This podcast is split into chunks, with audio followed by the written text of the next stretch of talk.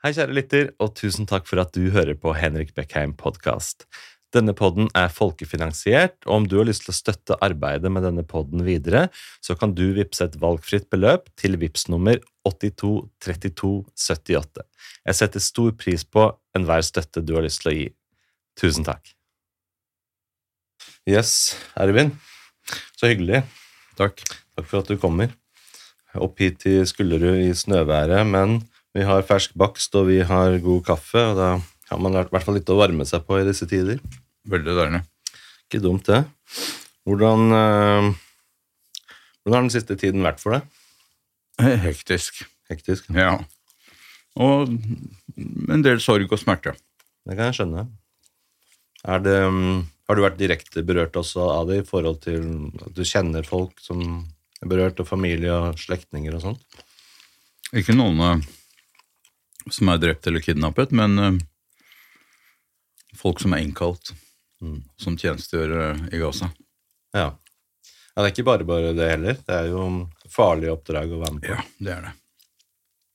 Hvordan tar folk i Norge det? Um, I det jødiske um, miljøet, og hvordan, hvordan opplever folk dette her? Ja, det ene er, er det som faktisk eh, skjer i, i, eh, i krigen som en følge av 7. oktober-massakren. Det andre er eh, når- når det skjer noe i eh, Israel, palestinske områdene, Gaza, så, eh, så har vi en sånn nedfall av antisemittisme og økt antisemittisme i Norge. Det har vi jo tall på fra HL-senterets undersøkelser. Rett eh, etter 7. oktober Hvordan er lyden? Bra. Rett etter 7. oktober-massakren så hadde vi en litt sånn spesiell opplevelse ved at eh, alle land viste solidaritet med Israel etter det som skjedde. Eh, de lyste opp sine signalbygg fra eh, Sydney, operaen i Australia, til Brandenburger Tor og til Downing Street og Eiffeltårnet. Men ikke Oslo. Så det ble veldig påtagelig, og uh, rådhuset sa nei til å lyse opp rådhuset med det israelske flagget. Hvorfor det, tror du? Det er Det kan vi jo spekulere, spekulere litt rundt, men uh, at det er uh, snakk om at Israel er blitt en paria, tror jeg ikke det er så vanskelig å konkludere med. Israel-hatet får stadig bedre grobunn, og eh, eh, ja, berøringsangst. Noen har også hatt berøringsangst for antisemittisme i ulike, ulike øh, Hva heter det? Ulike sammenhenger. Og berøringsangst for, for øh, solidaritet med Israel, selv etter sånne grusomheter som 7. oktober. Det, ja, jeg syns det er påtagelig, og jeg syns det er øh, rart. Wow. La oss bruke litt tid på å nøste opp i dette, her, for jeg er så nysgjerrig på hvorfor Norge skiller seg ganske mye ut da, fra resten av Europa i forhold til denne situasjonen. Hva er det det kommer av? Hvilke krefter er det som gjør dette? Hvilke strømninger? Hva, hva tror du? Hvorfor skiller Norge seg ut?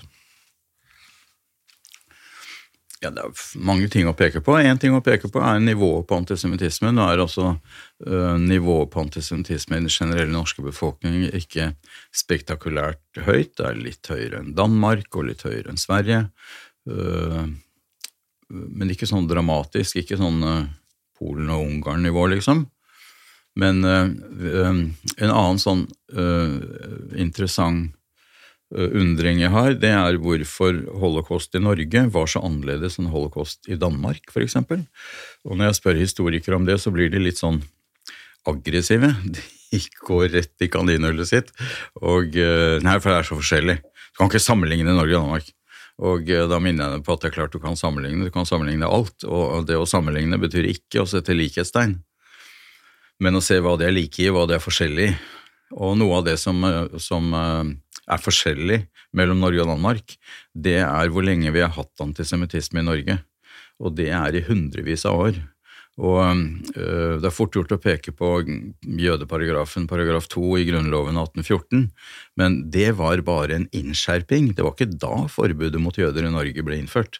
Det ble innført i Kristian 5.s norske lov av 1678, tror jeg det var. Oi, Hva sto det i den loven, da? At jøder ikke hadde adgang til riket Ja. i Norge. Hvorfor det? Det er interessant, Mm. men de hadde adgang med leidebrev fra kongen. Å, hva Ja. betyr leidebrev? Tillatelse. Ja. Midlertidig oppholdstillatelse betyr det. De, de kunne komme til Norge og drive handel, f.eks. Men med 1814 og paragraf 2 i Grunnloven så ble det en innskjerping, slik at det, da ble selv leidebrev forbudt. Ja, det ble litt mye jøder. Må stramme det til litt, liksom. Ja. Det var litt sånn. Så da var det helt slutt. Og i 1814, da vi fikk da denne famøse pletten på Grunnloven med paragraf 2, så fikk samtidig jødene i Danmark fulle borgerlige rettigheter. ja. ja. Så det er en veldig forskjell på historie, den jødiske historien i Danmark og i Norge. Og da sier jeg hvorfor det. Hva var det som gjorde at Norge og Danmark skilte seg på sitt forhold til jøder? Nei, det kan jeg ikke jeg svare på. Her må det mer forskning til, så her syns jeg historikere bør ta sitt ansvar og uh, forske på det. Ja, Ja. det ser Så jeg. øh, Danmark er mer kontinentalt enn Norge. Ja, uh, har vært en, en nasjon i verden lengre enn Norge har vært. Hva var det Norge tror du var så redde for med å si at nei, jøder kan ikke slippe inn? Hva, hva var liksom grunnlaget for det? Har man noen gang fått noen forståelse for hvorfor man ikke ønsket jøder i landet? Nei, det blir for vanskelig. Du beveger deg nesten inn på dette med hvorfor blir jøder mobbet og trakassert og forfulgt og drept. Og det er som, som øh, når du stiller spørsmålet til Per, i, som mobber øh, Kåre i skolegården. Hvorfor øh, blir Kåre mobbet? Øh, og det er feil spørsmål, så du Mm. må spørre hvorfor mobber Per? Det er sant, Ja. men jeg bare tenker at når ting er i lovverket vårt, så burde det jo alltid forankres med en eller annen forklaring, på en måte. Altså, ja, den er grei. Og der har f.eks. Mm. Håkon Harke skrevet en bok som heter Paragrafen.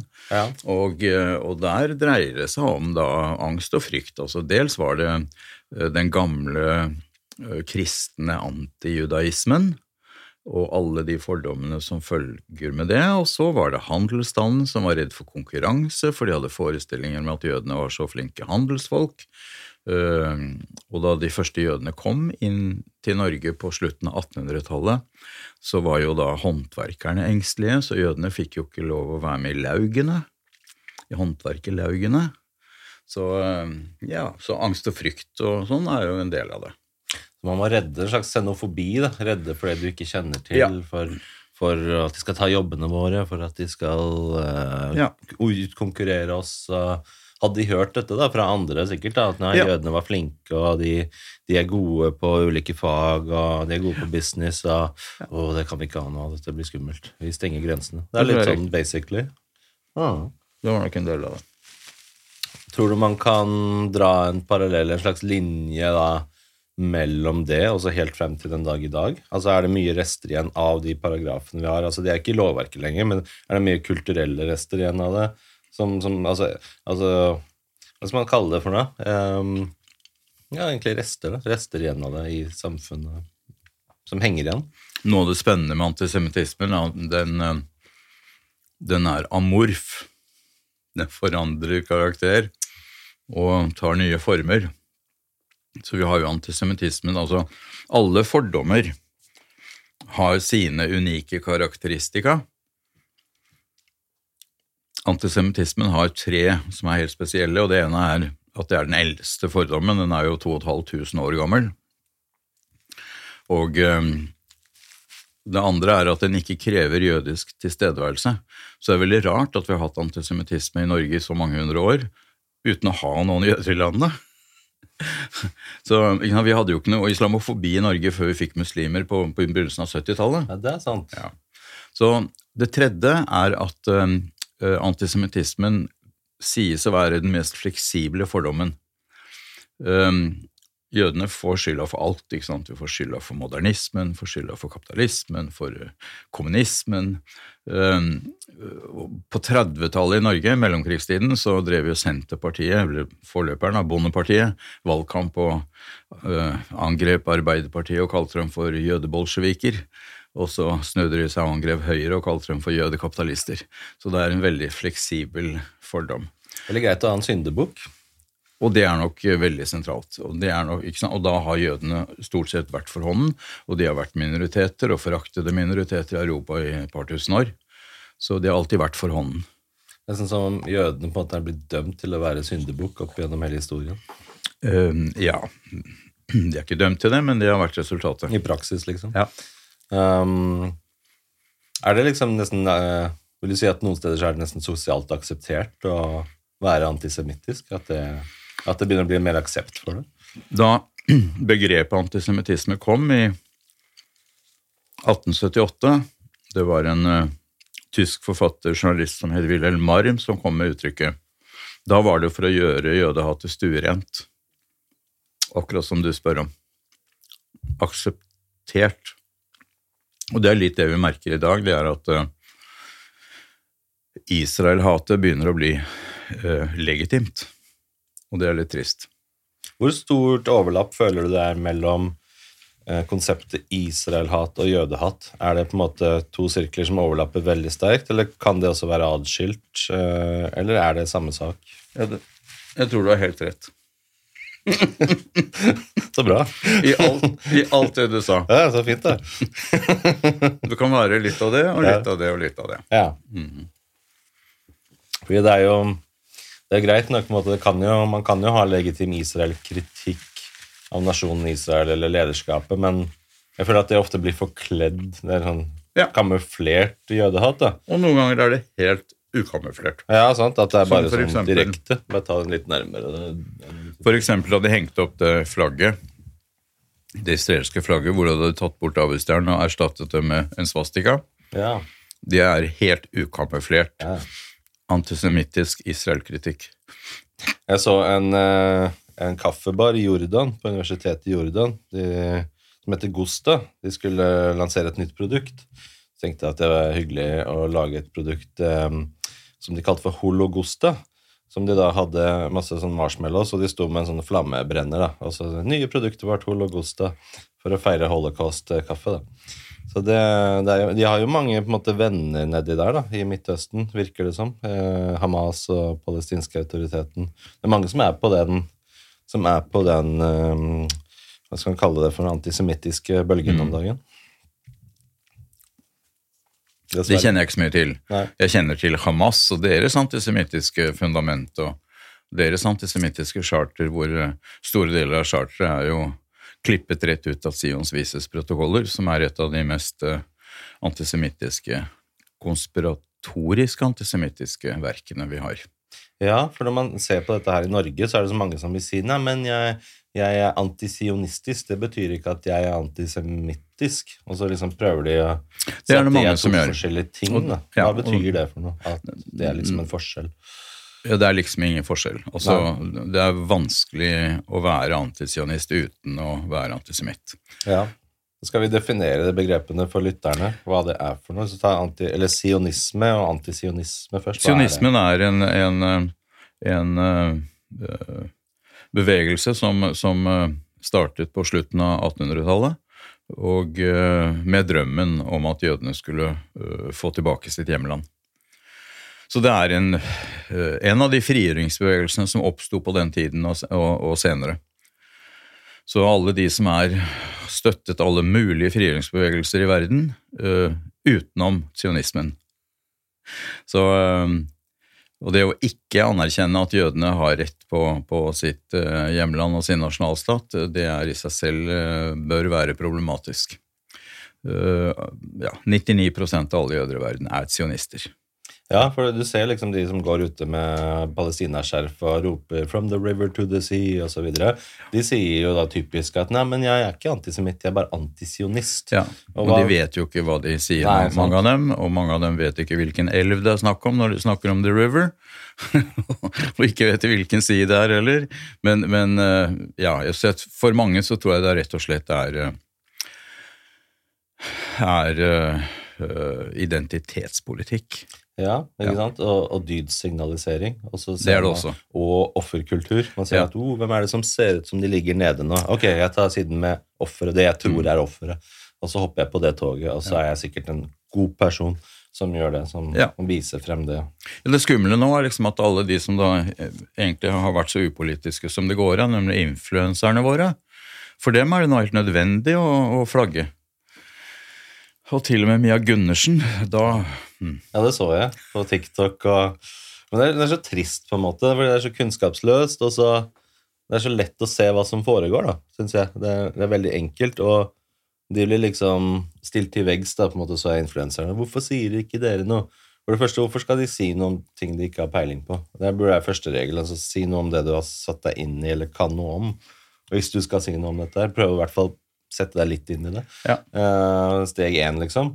Og steg to, hvis du ikke har noe vettugt å si, så bør du jo ikke si noe. Og i hvert fall ikke si noe som kan være skadelig for veldig mange mennesker i verden, og jøder i Norge. og bare fordi du skal på en måte dydsignalisere at du er, at du er så god person og sier det som er riktig å si.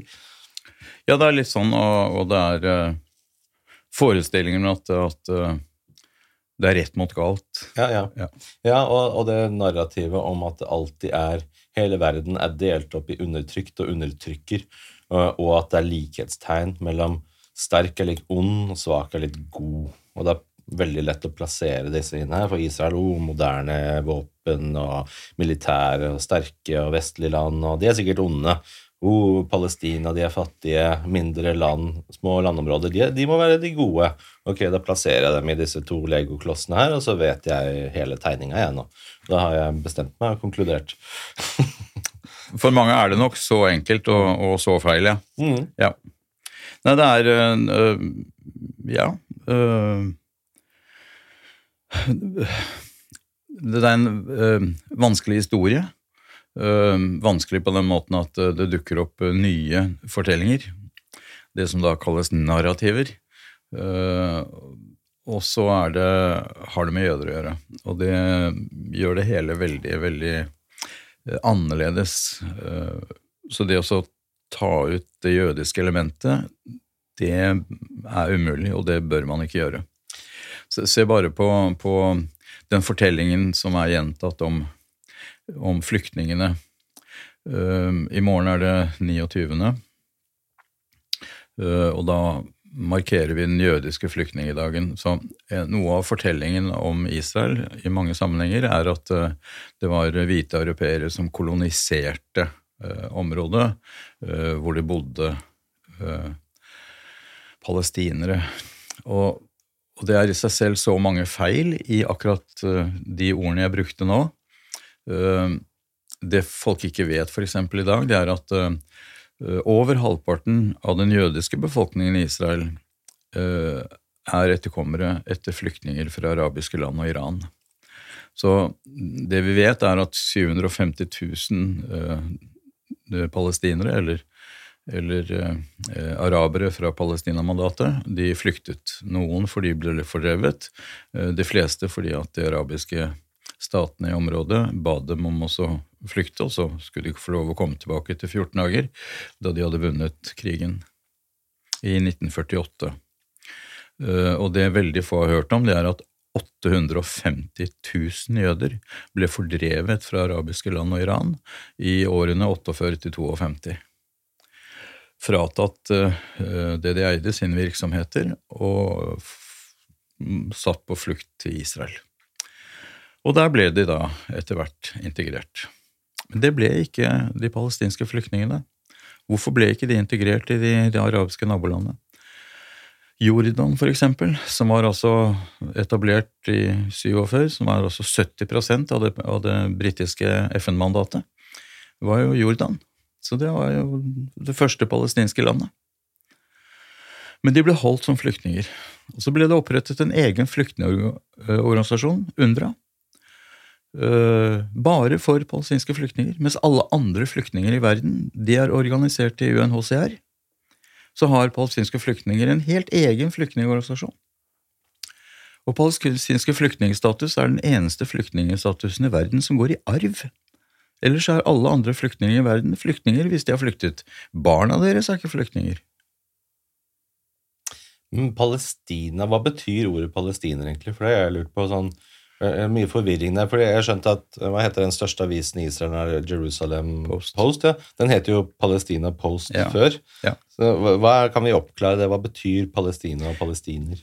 Det som er viktig, er at eh, navnet Palestina ble satt på Judea av den romerske keiser Hadrian etter eh, opprøret i 165 etter vanlig tidsregning. Han ble så forbanna på de jødene at han skulle eh, Hva heter to spite på norsk? Så han kalte området Palestina. Ja. Det var da navnet kom, ikke før. Riktig. Ja. Men hva betyr hva betød Palestina? Er, Det vet jeg ikke, men det, det, det tror jeg kommer fra Du vet det landområdet som der hvor Gaza ligger, pluss litt til, var jo landet til filisterne, så det var et eget folk som het filistere. Men det er altså ø, lenger tilbake i tid. Ja. Og så var det da eh, Palestina-mandatet som britene fikk etter første verdenskrig. Eh, som da inkluderte området som er Israel, Palestina i dag, og Jordan. Mm. Og du vet, Etter første verdenskrig så oppsto nasjonalstatene. Før første verdenskrig så var jo området øhm, øh, styrt av det osmanske riket. Øh, sultanen som satt i, i Tyrkia, og som styrte dette området i 600 år. Men det, Palestine, var det et ord som jøder brukte om seg selv? Ja da. De gjorde det? Ja, Jeg er palestiner, liksom. Ja. identitet. Absolutt. Det var det. Så da hadde jødiske og arabiske palestinere. Riktig. De hadde flagg og greier. Men etter 1948 fikk Israel stat, altså brukt, fortsatte mange jøder å bruke ordet palestiner om seg selv? Eller? Ikke etter Nei, 48, man nei. bytta dem med en gang, Ja, ja. over dagen, liksom, Ja. over natta. Riktig. Aha, ja, for dette er mange som ikke vet dette. Ikke jeg Ja. vet så mye om det heller, så det er veldig fint å nøste opp i hva dette er. Hva er disse begrepene? Det som er litt interessant, er at ø, ø, i forlengelsen av at Oslo rådhus ikke ville lyse opp med det israelske flagget i solidaritet med Israel etter 7. oktober-massakren, så ø, ø, annonserte rådhuset at de ville flagge med det palestinske flagget og FN-flagget 29., for det er altså FNs dag, det vedtok FN jeg tror det var 1977, at det skulle være en solidaritetsdag med Palestina. Hvorfor har de en egen solidaritetsdag med dem? Det var FNs generalforsamling som vedtok det i 77. Hvorfor har de ikke en egen dag for Israel? Nei, ja, det kan du spørre om. det vet jeg ikke. Men, men eh, det interessante var at, eh, at eh, da hadde vi et innspill overfor for byrådslederen og ordføreren om også hvorfor ikke flagge med alle tre flaggene. Det palestinske flagget, FN-flagget og det israelske flagget. Fordi at datoen 29. november det er dagen for delingsvedtaket, FNs delingsvedtak i 1947, da FN besluttet at man skulle dele det resterende uh, britiske mandatet i en eh, jødisk og en arabisk stat. Riktig. Og og da etablerte jo uh, jødene i Israel de etablerte staten Israel, mens uh, de arabiske statene ikke ville at man skulle etablere en egen arabisk stat i det resterende eh, mandatområdet. Og derfor angrep de, altså tre timer etter at Israel ble proklamert som stat, så angrep eh, nabostatene Egypt, Jordan, Libanon, Syria. De angrep Israel. Og da fikk vi frigjøringskrigen i 1948. Riktig. Og hva sa rådhuset da, da du foreslo burde vi ikke flagge for Israel? Også? Nei, da var det allerede vedtatt og greier. Det var vanskelig. Hva syns du om det? At ikke rådhuset på noe tidspunkt har lyst til å flagge for Israel? Nei, de tør jo ikke, noe. det sier noe om hvordan klimaet er. Det er, eh, det er eh, Selv for politikere som har eh, ålreite holdninger, så er det vanskelig å gjøre det. Var det sånn at du har inntrykk av at de har lyst til å gjøre det selv, men at de Ja. ikke tør? Du har det, ja? Ja, ja, ja. Aha. Gir de deg noen forklaring på hvorfor de ikke tør? Men nei, ikke veldig tydelig. Er det liksom populisme? altså Da blir vi ikke valgt ved neste valg? på en måte? Nei, men det er liksom Det blir så mye, Bråk? så mye bråk, og det er ikke sånn bråk vi ønsker, og det er ikke et produktivt bråk. liksom, Det er ikke, det er ikke kamp om, om innenrikspolitikk, egentlig. Det er bare bråk som ikke tjener, tjener noe. Men jeg vil si at det er bråk som tjener noe. Ja. At det er en verdi. At iblant så må man tåle litt bråk da, for å stå opp for noen verdier. Jeg er ikke uenig i det, jeg. Mm. Det er bråk rundt masse annet. Altså, vi ser jo masse demonstrasjoner foran den israelske ambassaden og Mm. From the river to the sea. Det er jo masse bråk fra før av. Hvorfor, Ja. hvorfor skal man unngå visse typer bråk, men akseptere alt annet bråk? Det er bra spørsmål. Det, det er Ja, for det er veldig skjevhet, syns jeg. Altså, jeg er vant til at det er ytringsfrihet i Norge, og man ytrer alle mulige synspunkter og masse forskjellige bevegelser og demonstrasjoner for alle. Det er lov å stå ved ambassaden og rope. Men det er uansett en veldig skjevhet, syns jeg, både i mediedekningen av det, fra VG, NRK og sånn, men også hva vi ser i bybildet og sånn. Altså, det er mye mer Og samtidig så er mediedekningen bedre enn den har vært tidligere. Ja. Det er litt en sånn dikotomi. Ja. Ja. Det er veldig rart. eh, Altså, ja, hva tror du er hovedårsaken til at det er så skjevhet mot liksom, pro-Palestina-narrativet hele tiden? Er det uh, at nyhetsredaksjonene er fulle av folk som går med palestinaskjerf, på en måte? Eller er Nei, det det syns jeg er vanskelig å, å si så mye om, annet Ja. enn at, at uh, Det er et bra spørsmål. Hvorfor liksom uh, altså Se bare på hvordan vi omtaler, eller hvordan eh, nyheter fra Hamas, eller da helsemyndighetene på Gaza, som er da styrt av Hamas, blir henvist til, mens hvordan eh, informasjon som kommer fra f.eks. Uh, de israelske forsvarsstyrkene, IDF, blir henvist til, eh, hvilke ord man bruker. Det er litt interessant å høre på, men jeg, jeg har ikke noe sånt spesielt behov for å angripe norske medier. eh, eh, sånn på generell basis. Jeg syns det er bedre å ta tak i når de tråkker feil. Eh, eksempel når de da i vannvare, tror jeg, klarte også å si at det er snakk om gisselutvekslingen. Ja, for Israel holder ingen gisler. Nei, Israel er en rettsstat, og de frier fanger som er dømt, eller som sitter i, i forvaring. øh, øh, I påvente av, av øh, rettssaker som er frigitt og utveksles med da gisler som er tatt av Hamas. Ja, ja, altså jeg tenker generelt sånn at man kan gi folk the benefit of the doubt på en måte på engelsk, jeg husker ikke hva det heter på norsk. Uh, men at når man begynner å se et mønster i det, da, når det ikke bare er enkelttilfeller at de ordlegger seg på den måten, men at det på en måte er hele tiden, så begynner jeg å tenke at hva er det dette handler om egentlig? Hvorfor, hvorfor er det så skjevhet? Ikke bare i hva de dekker, men også språkbruken. Da. Jeg hadde jo Itamar Marcus her fra Israel eh, her om dagen på podkasten, og da snakka vi om nettopp det du nevner der, at eh, når det er når det er eksempel tall på omkomne, da, eh, Gaza og sånt, så bruker man Hamas eller PA som kilde, og da tar det for god fisk og liksom slår fast dette er tallet. Mens hvis IDF eller Israel sier noe, så er det liksom Israel hevder, men vi kan ikke bekrefte. Så det, da trenger du liksom 300 Ja. tredjepartskilder for å verifisere det Israel sier. Ja. Og da glemmer man liksom at Israel er en moderne vestlig stat, på en måte, mens Hamas er en terrororganisasjon.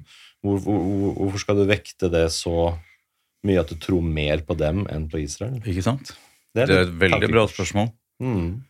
Og veldig interessant hvor fort de kommer opp med, med tall på døde og sårede. Ja. Det er veldig fort. De har Veldig. veldig stor oversikt, men de klarer ikke å finne ti av de gislene de skulle overleve, overlevere. Eh, De var vanskelig å finne på et visst tidspunkt, men Ja. vi har veldig god oversikt på at det er nøyaktig 10 000 sånn og sånn omkomne. Ja. Så det er også en sånn, Hvordan får de til den, det mattestykket? Ja, Det tok f.eks. litt tid før Israel klarte også å si noe om dette, dette angrepet på det sykehuset, som ikke var noe angrep, men som antagelig var en, en uh, rakett fra mm, Islamsk Jihad som misfired. Uh, det tok altså ikke mange minuttene før de kom opp med, med tall på 3000 døde. Antagelig var det 50 eller noe rundt, rundt der, men, men eh, Og at de konkluderte med at det nok var Israel som hadde gjort det. ja. Hva tenker du? For det er mye sånn, Jeg har lyst til å ta opp alle mulige sånn argumenter jeg får kastet mot meg hvis jeg sier noe som helst positivt om støttene til Israel. Da. Ja. Så sier de annet sånn at ja, men du vet at du heier på en nasjon som begår krigsforbrytelser. Hvordan kan du heie på det? Hva tenker du om det ordet 'begår Israel krigsforbrytelser' nå? Er det, ved, Det er også, er det også veldig rart hvor fort man kommer opp med både, både øh, krigsforbrytelser, brudd på krigens folkerett og humanitærretten, for ikke å snakke om folkemord. Så uh, uten at noen ting er undersøkt uh, av, uh, av uhildede rapportører, ikke noe bekreftet. så det er en, en del av, av det som gjør det hele ganske problematisk, syns jeg. Og det syns jeg er viktig å reise spørsmål rundt det, sånn som du gjør. Ja, så tenker jeg at det er Man burde jo vente på at ICC er de som dømmer om noen har Ja. begått krigsforbrytelser. Det er jo ikke gatejustis Nei. som skal bestemme det. Nei. Uh, og da må man jo ha bevis. altså Du er uskyldig til det motsatte er bevist. Og så sier ja, men se her, se på disse bildene. Ja, bilder, altså Det er masse AI-bilder, det er overdrevne bilder, men selvfølgelig, altså sivile omkommer jo i, i krig. Ja, det jo er stor tragisk. forskjell på det. Og- Ja, ja. Men bare si at Det er jo tragisk selvfølgelig når ethvert barn dør, uansett hvilket flagg det barnets foreldre har. Ja. Men det er en stor forskjell på å gå inn og aktivt med overlegg drepe sivile og barn med vilje og le og smile mens du gjør det, versus at dessverre så, så omkommer også sivile når eh, Israel eh, driver med krigføring og selvforsvar. Eh, det er en hel verden av moralsk forskjell. Ja. Og, og det er ingen tvil om at, at mange er blitt eh, drept i, i Gaza. Men jeg har ikke hørt noen si noe om hvor mange stridende som er drept. Altså alle er visstnok sivile. Det er litt spesielt. Er ikke det litt rart? Mm. Ja. Så jeg syns det er grunn til også en måte å deeskalere konflikten på i Norge. For det er ikke noe tvil om at den er importert til Norge, den konflikten. Det er å være litt mer varsomme med hvilke ord og, og, og uttrykk man velger å bruke. Og stille kanskje noen flere spørsmål. Men, men eh, for å avslutte det du, du begynte med når det gjaldt dette med rådhus og sånn, så syns jeg det er viktig å ha en moralsk dimensjon i dette. Og eh, jeg syns det er viktig at vi passer på vårt norske demokrati. Og vårt demokrati er altså først og fremst bygget på at det er en rettsstat. Og så er det altså et liberalt demokrati. Eh, Men enda viktigere enn at det er et eller like viktig uh, som at det er et liberalt demokrati, er at det er et moralsk demokrati. Og da må vi bringe inn sånne ting som at uh, vi gjør ting fordi det er det riktige å gjøre. Ikke fordi at vi nødvendigvis må gjøre det, er lovpålagt å gjøre det, men fordi at det er det riktige å gjøre. Og da kommer vi inn på en sånn dimensjon som at et eh, demokratis adelsmerke, det er i hvilken grad det ivaretar sine minoriteter. Um, for det er det riktige å gjøre, i tillegg til at Norge selvfølgelig også er konvensjonsforpliktet på ulike konvensjoner. Um, jeg bruker eksempler med da Dalai Lama var på besøk i Oslo. Det er flere år siden, mange år siden. Da, Um, da ble han ikke tatt imot av statsministeren. Han ble tatt imot av stortingspresidenten, men da skyflet inn bakveien, ikke hovedinngangen til Stortinget. Hmm. Hvorfor det? For det var litt sånn kilen til Kina syns ikke det er morsomt. Og da var, vi liksom akkurat Jeg tror det var vi var rett ut av fryseboksen, eller ønsket å komme ut av fryseboksen med Kina. Men det er spørsmålet hvorfor skal vi ta imot Dalai Lama i det hele tatt? Altså, Vi er ikke forpliktet til det på noen måte. Og da syns jeg et godt svar er for det er det riktige å gjøre. It's the right thing to do. Uten at vi har noen forpliktelser lovlig sett. Så det er eh, på spørsmålet ditt liksom hvorfor eh, bør man da balansere og flagge med både det israelske og det palestinske, og FN-flagget den 29. november. For det er det som er det riktige å gjøre. Problemet i samfunnet er når man ikke lenger vet hva som er opp og ned og rett og galt og riktig og feil. Fordi jeg lurer på hvorfor det Jeg prøvde å snakke med en del gjester om det òg, at det kan være som resultat av postmodernismen. At alt blir sånn subjektivisme. At, at man sitter igjen med sånn Ja, men det som er riktig for meg, behøver ikke å være riktig for deg. Ja. hvem er du til å si hva som er objektivt riktig? Du vet, Det fins ikke noe som er objektivt sant. Det er min sannhet, og det er din sannhet. Og Alt blir bare sånn relativistisk. Og det er ikke bare sånn. Nei, Nei. det finnes en sannhet. Ja. Ja, det tenker jeg òg. Det er en objektiv sannhet. Og det er noe som er objektivt rett og galt. Ja. Og under der igjen så er det noe som er objektivt godt og ondt. Ja. tenker jeg. Men det er det mange som ikke vil være med på. At det fins jo ikke noe som er godhet og ondskap. Ja. Det er en sånn dimensjon man ikke vil være borti, for det er en religiøs dimensjon, nesten. Det er, en, Mm. det er, noe, det er utenfor det sekulære sfæren. Mm. Det er noe annet. Da er vi inne på et veldig spennende filosofisk område. Ja, la oss gå inn der. Nå Nei, nei. men, men tror du det fins noe som heter godhet og ondskap i verden? Ja, det tror jeg. Ehm, Det Hamas gjorde 7. oktober, var ren og skjær ondskap. Uten at vi behøver å dvele, dvele Ja, ja. ved det. det. Men eh, i den jødiske troen har man mye eh, Prater man mye om det gode og det onde? Er det en stor del av det jødiske? Nei, nei og ja, ikke sant? Ehm, øh, det kommer an på hvem du snakker med. Hvis du snakker med min sønn, som nå liksom har tiltrådt som rabbiner i Oslo, så er han veldig opptatt av, eh, av slike spørsmål. Han er veldig opptatt av filosofi og leser eh, mye filosofi. Eh, også kristne filosofer. Eh, så han er opptatt av sånne spørsmål. Så det ondes problem eh, er jo sentralt eh, i jødisk tradisjon, med Jobbs bok. Og eh, det er interessante spørsmål rundt dette med Er Gud egentlig en god gud? Hadde han vært en god gud, hvorfor skapte han ondskap? Så han gjorde egentlig ikke det. Han øh, øh, ga oss fri vilje. Og det var problemet. Så ja, det er et, et spørsmål som, som eh, behandles av de som er opptatt av filosofi, Mm. ikke av alle. Mm. Det er spennende. Men fordi du har Hva er bakgrunnen din? Du var forstandig? Jeg er siviløkonom. Jeg siviløkonom. Ja, siviløkonom. Det er fint. Men du var forstander lenge i, i det mosaiske trossamfunnet? Jeg har vært forstander og leder i den menigheten i til sammen 13 år. 13 år, ja. Ja. Hva betyr forstander? Hva er det man gjør? Nei, det var altså det, eh, I de fleste av de årene, syv av de årene, så var jeg både leder og forstander. Styreleder og forstander. Forstanderrollen var innskrevet i den forrige trosloven. eh, Den som ble erstattet for to-tre år siden snart. Og den nye tros- og livssynsloven.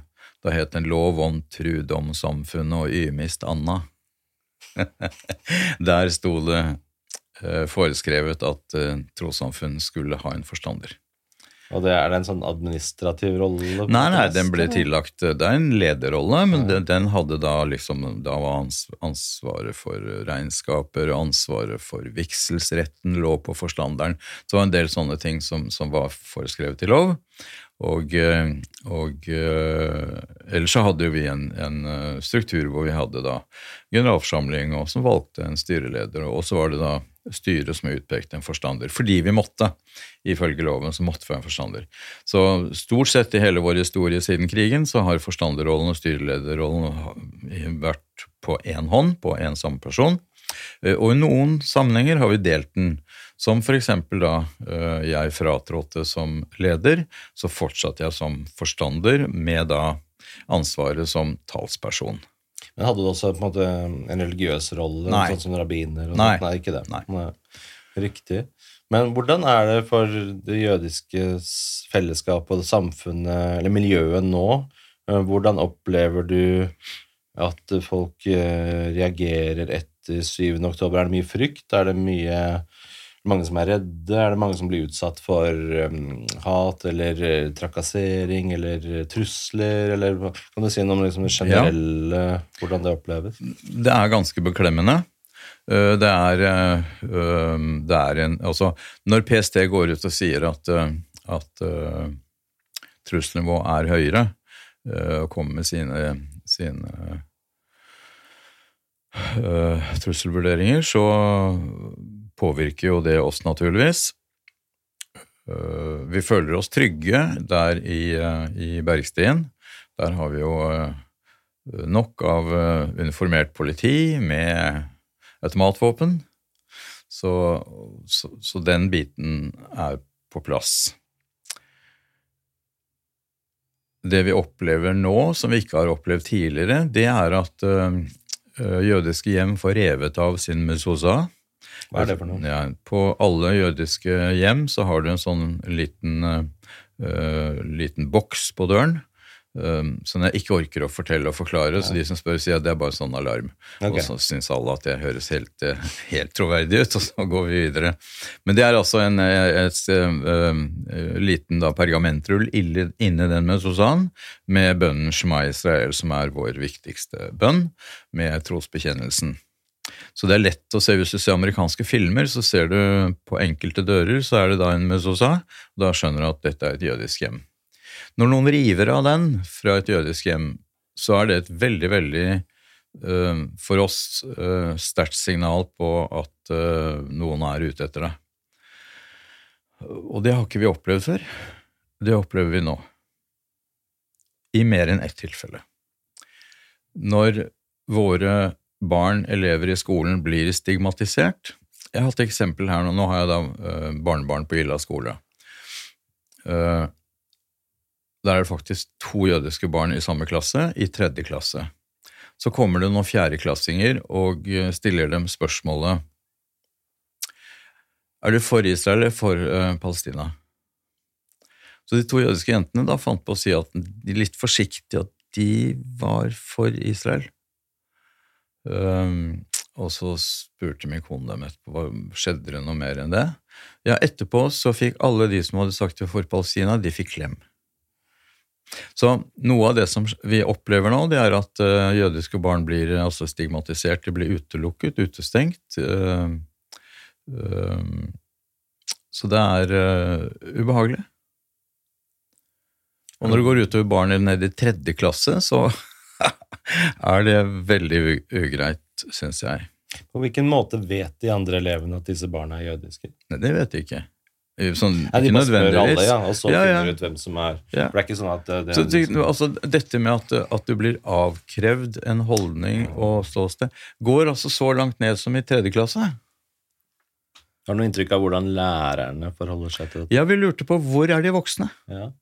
Hvor er de voksne? Har du fått noe svar? Nei, nei, nei. Noe... nei men det er, det, er, eh, det er, heller ikke greit for lærerne, for de har heller ikke alle sammen nødvendig kompetanse. Vi har jo i, uh, Siden vi fikk handlingsplanen mot antisemittisme, så har vi jo intensivert, altså gjort det mulig for oss å, å gjøre mer med, med, opplæring gjennom jødiske veiviserne. Uh, det å fortelle om uh, jødedom og jødisk liv i Norge. Og så har vi åpnet opp synagogen, så vi har altså formidlere i synagogen som tar imot skoleklasser. Så vi tar imot i snitt tre klasser per dag. og nå har vi hatt da de ti første avlysningene. Og, og, det er jo greit at man avlyser et uh, skolebesøk, det kan være flere grunner til det, men hvis grunnen er at vi vil ikke ta stilling til konflikten, da syns vi det er helt imot alt av sunn fornuft.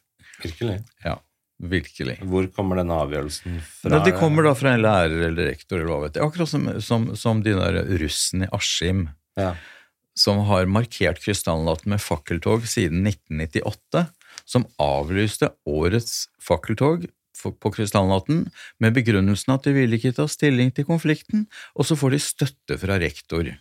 Da må jeg advare, det finnes altså foreldre som ikke er gode rådgivere for sine barn, og det gjør det også i skolen.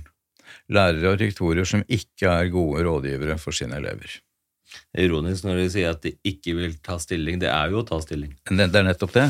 Ja, bra. Um, har dere opplevd noen direkte trusler også? Noe sånn fysisk eller sånn eh, verbalt eller skriftlig, eller får dere noe sånt? Medlemmer hos oss, ja. ja, ja. Gjør det, ja. Hva, det hva, er det sånne trusler går på? At uh, fysisk vold, liksom, trusler om det, eller? Vi har jo hatt et eksempel som vi, som vi, nå har fortalt om et par ganger, og det er uh, denne moren, alenemoren, som har fått skåret opp dekkene på barnevogna si. Uh, og, og en del andre ting, så hun har valgt å da flytte Flytte til, til et annet sted. til et annet sted. Ja, ja. Er, det noen, har, er det noen generelle prat om at folk har lyst til å flytte til Israel? på en måte? Nei, men du vet at Det er det alltid for jøder i utlandet. Så, så det er egentlig ikke noe spektakulært. Men, men det har ikke blitt noe mindre av det. Ja. Nei. Så alle jøder har tatt stilling. Altså, vi har noen som- valgt å bo her. Ja. Ja. Men er det noen som du tror kommer til å gjøre det? Som kommer til å flytte fra Norge? Ja, Det er det, ja. Ja. Det sier jo litt om nivået, da. Merker Syns du at nivået av, av eh, trusler og sånn er høyere nå enn noen gang før? Etter syvende, eller er det ja, litt. Det, det har jeg ikke tall på, så det Nei, det bør jeg ikke uttale meg om. ubehaget er større. Ja, Ubehaget er større. Det er det som er så rart, det er så paradoksalt, for du skulle tro at folk eh, eh, tok, eh, ga mer empati og vernet mer om jøder Men det gjør man også. Man gjør det også, ja. Det er bra. Og jeg forsøker å, å si det at, Mm. eh, at til de som føler at, at vi er så alene, at uh, vi er ikke det.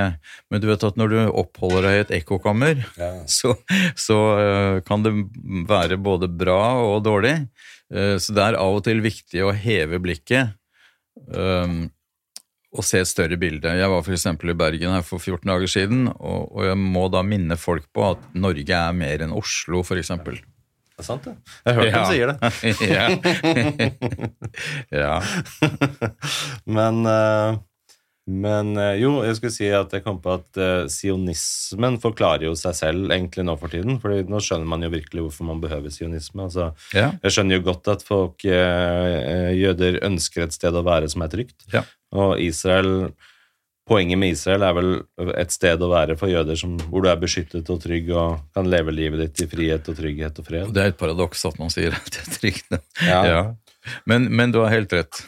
Ja. Det, men eh, jo, i går var det en spesiell dag. Um, 81 år etter eh, skammens dag, hvor, eh, norsk, ja. og hvor norsk politi deporterte jøder med DS Donau fra kaia utenfor Akershus festning i Oslo.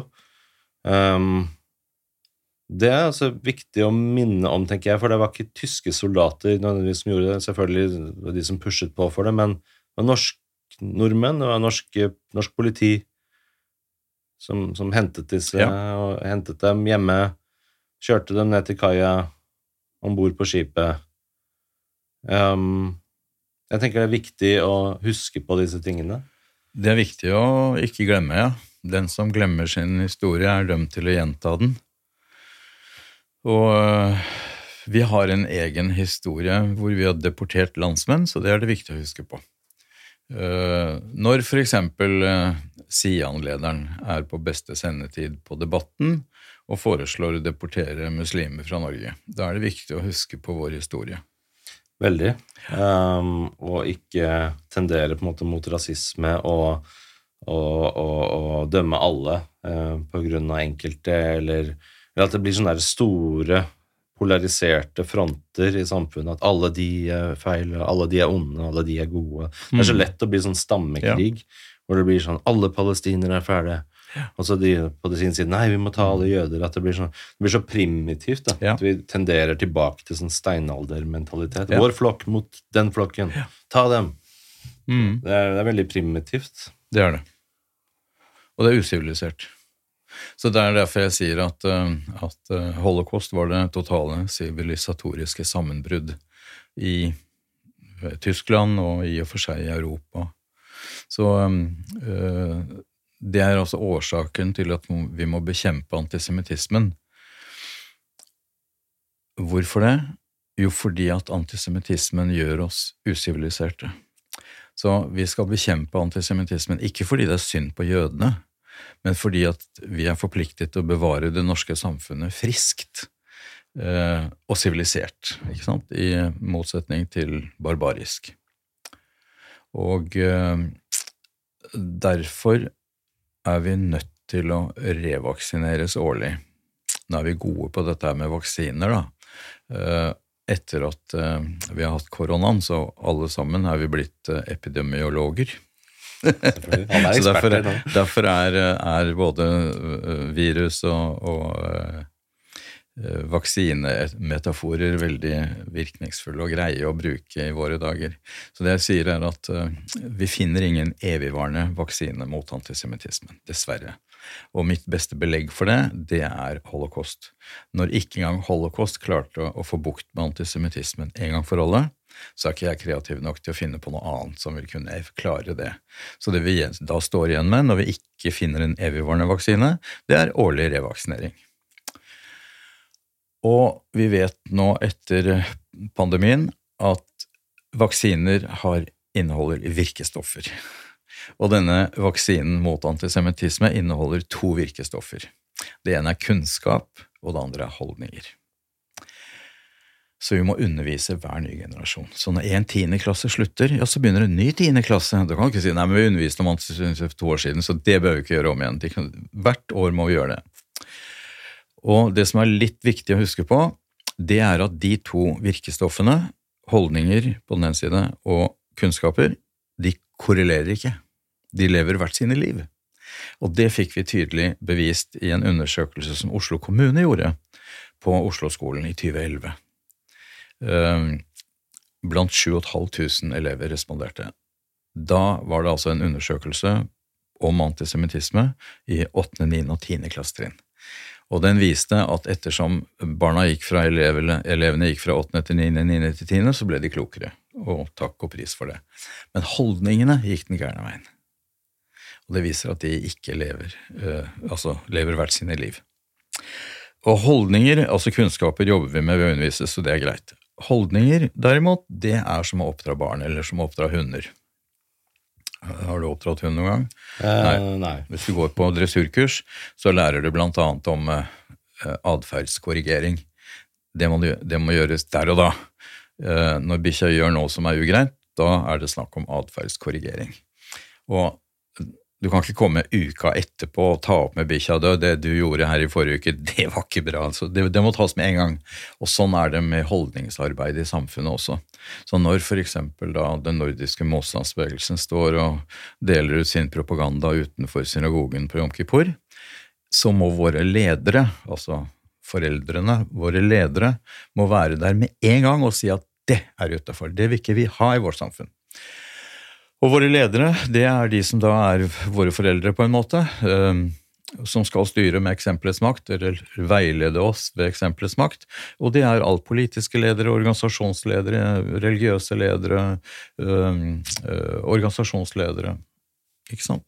Så alle bør kjenne på det ansvaret og jobbe med holdningsarbeid for å beholde samfunnet friskt. Da, I dette tilfellet kampen mot antisemittisme. Vi vil ikke ha at den skal spre seg i det norske samfunnet. Hvordan er det for deg for eksempel, og for andre jøder som du kjenner, å gå i samfunnet nå rundt omkring på gata og møte folk? Er det, er det lett for folk å si at 'jeg er jødisk, og dette er min bakgrunn', og sånn, eller er det folk har, har du inntrykk av at folk har begynt å skjule identiteten sin mer og ikke si det, liksom å være ja, stille om det? Det har vi noen tall på. For, ja. uh, uh, NRK har gjort en, en, studie som de presenterer en av dagene som kommer, uh, på dette. Så det er snakk om 80 og 90% på svar på de spørsmål. På den ene side er det spørsmålet dette her med å være synlig jøde. Uh, å bære kippa eller å ha en davidstjerne rundt halsen. Men det er, ikke, det er ikke mange som gjør i Norge. ikke sant? Det er ikke mange religiøse jøder i Norge, uh, så er, de vil ikke ha gått med kippa uansett. Uh, og, og, det å bære sånn halskjede altså Menn min generasjon i hvert fall går jo ikke med halskjeder. Så jeg vet ikke i hvilken grad yngre menn går med halskjeder, men det er liksom ikke noe, det er ikke noe problematikk. Men det siste som du spurte om, dette med å avsløre sin jødiskhet i samtaler med kolleger og venner eller tilfeldige selskaper man er i, der er nok tilbøyeligheten helt åpenbar. At man eh, i større grad lar være å avsløre sin jødiske eller israelske tilhørighet. Ja, det er trist. Hva tror du er årsaken til den? Årsaken er at det er nå et stigma rundt det, og det er, eh, det er stuerent og, og å ha denne polariseringen. Det er stuerent å stigmatisere Israel og så gjøre Israel om til den stygge ulven. Men Er det stigma, eller også frykt for egen sikkerhet? At man forteller at man er jødisk, at man da er redd for trusler og hat? og sikkerheten sin? Jeg tror ikke det er så mye det. Jeg tror det er mest uh, ubehaget. Eller at man ikke orker også å gå inn i debatter og diskusjoner og i feil sammenheng, eller ja.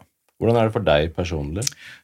Ja, nå er jo jeg den offentlige store holder. Um, hva Aftenposten kalte meg landets første jøde for mange år siden. Um, uh, jeg ser jo en viss trygghet i det også. Jeg ser en trygghet i å være offentlig.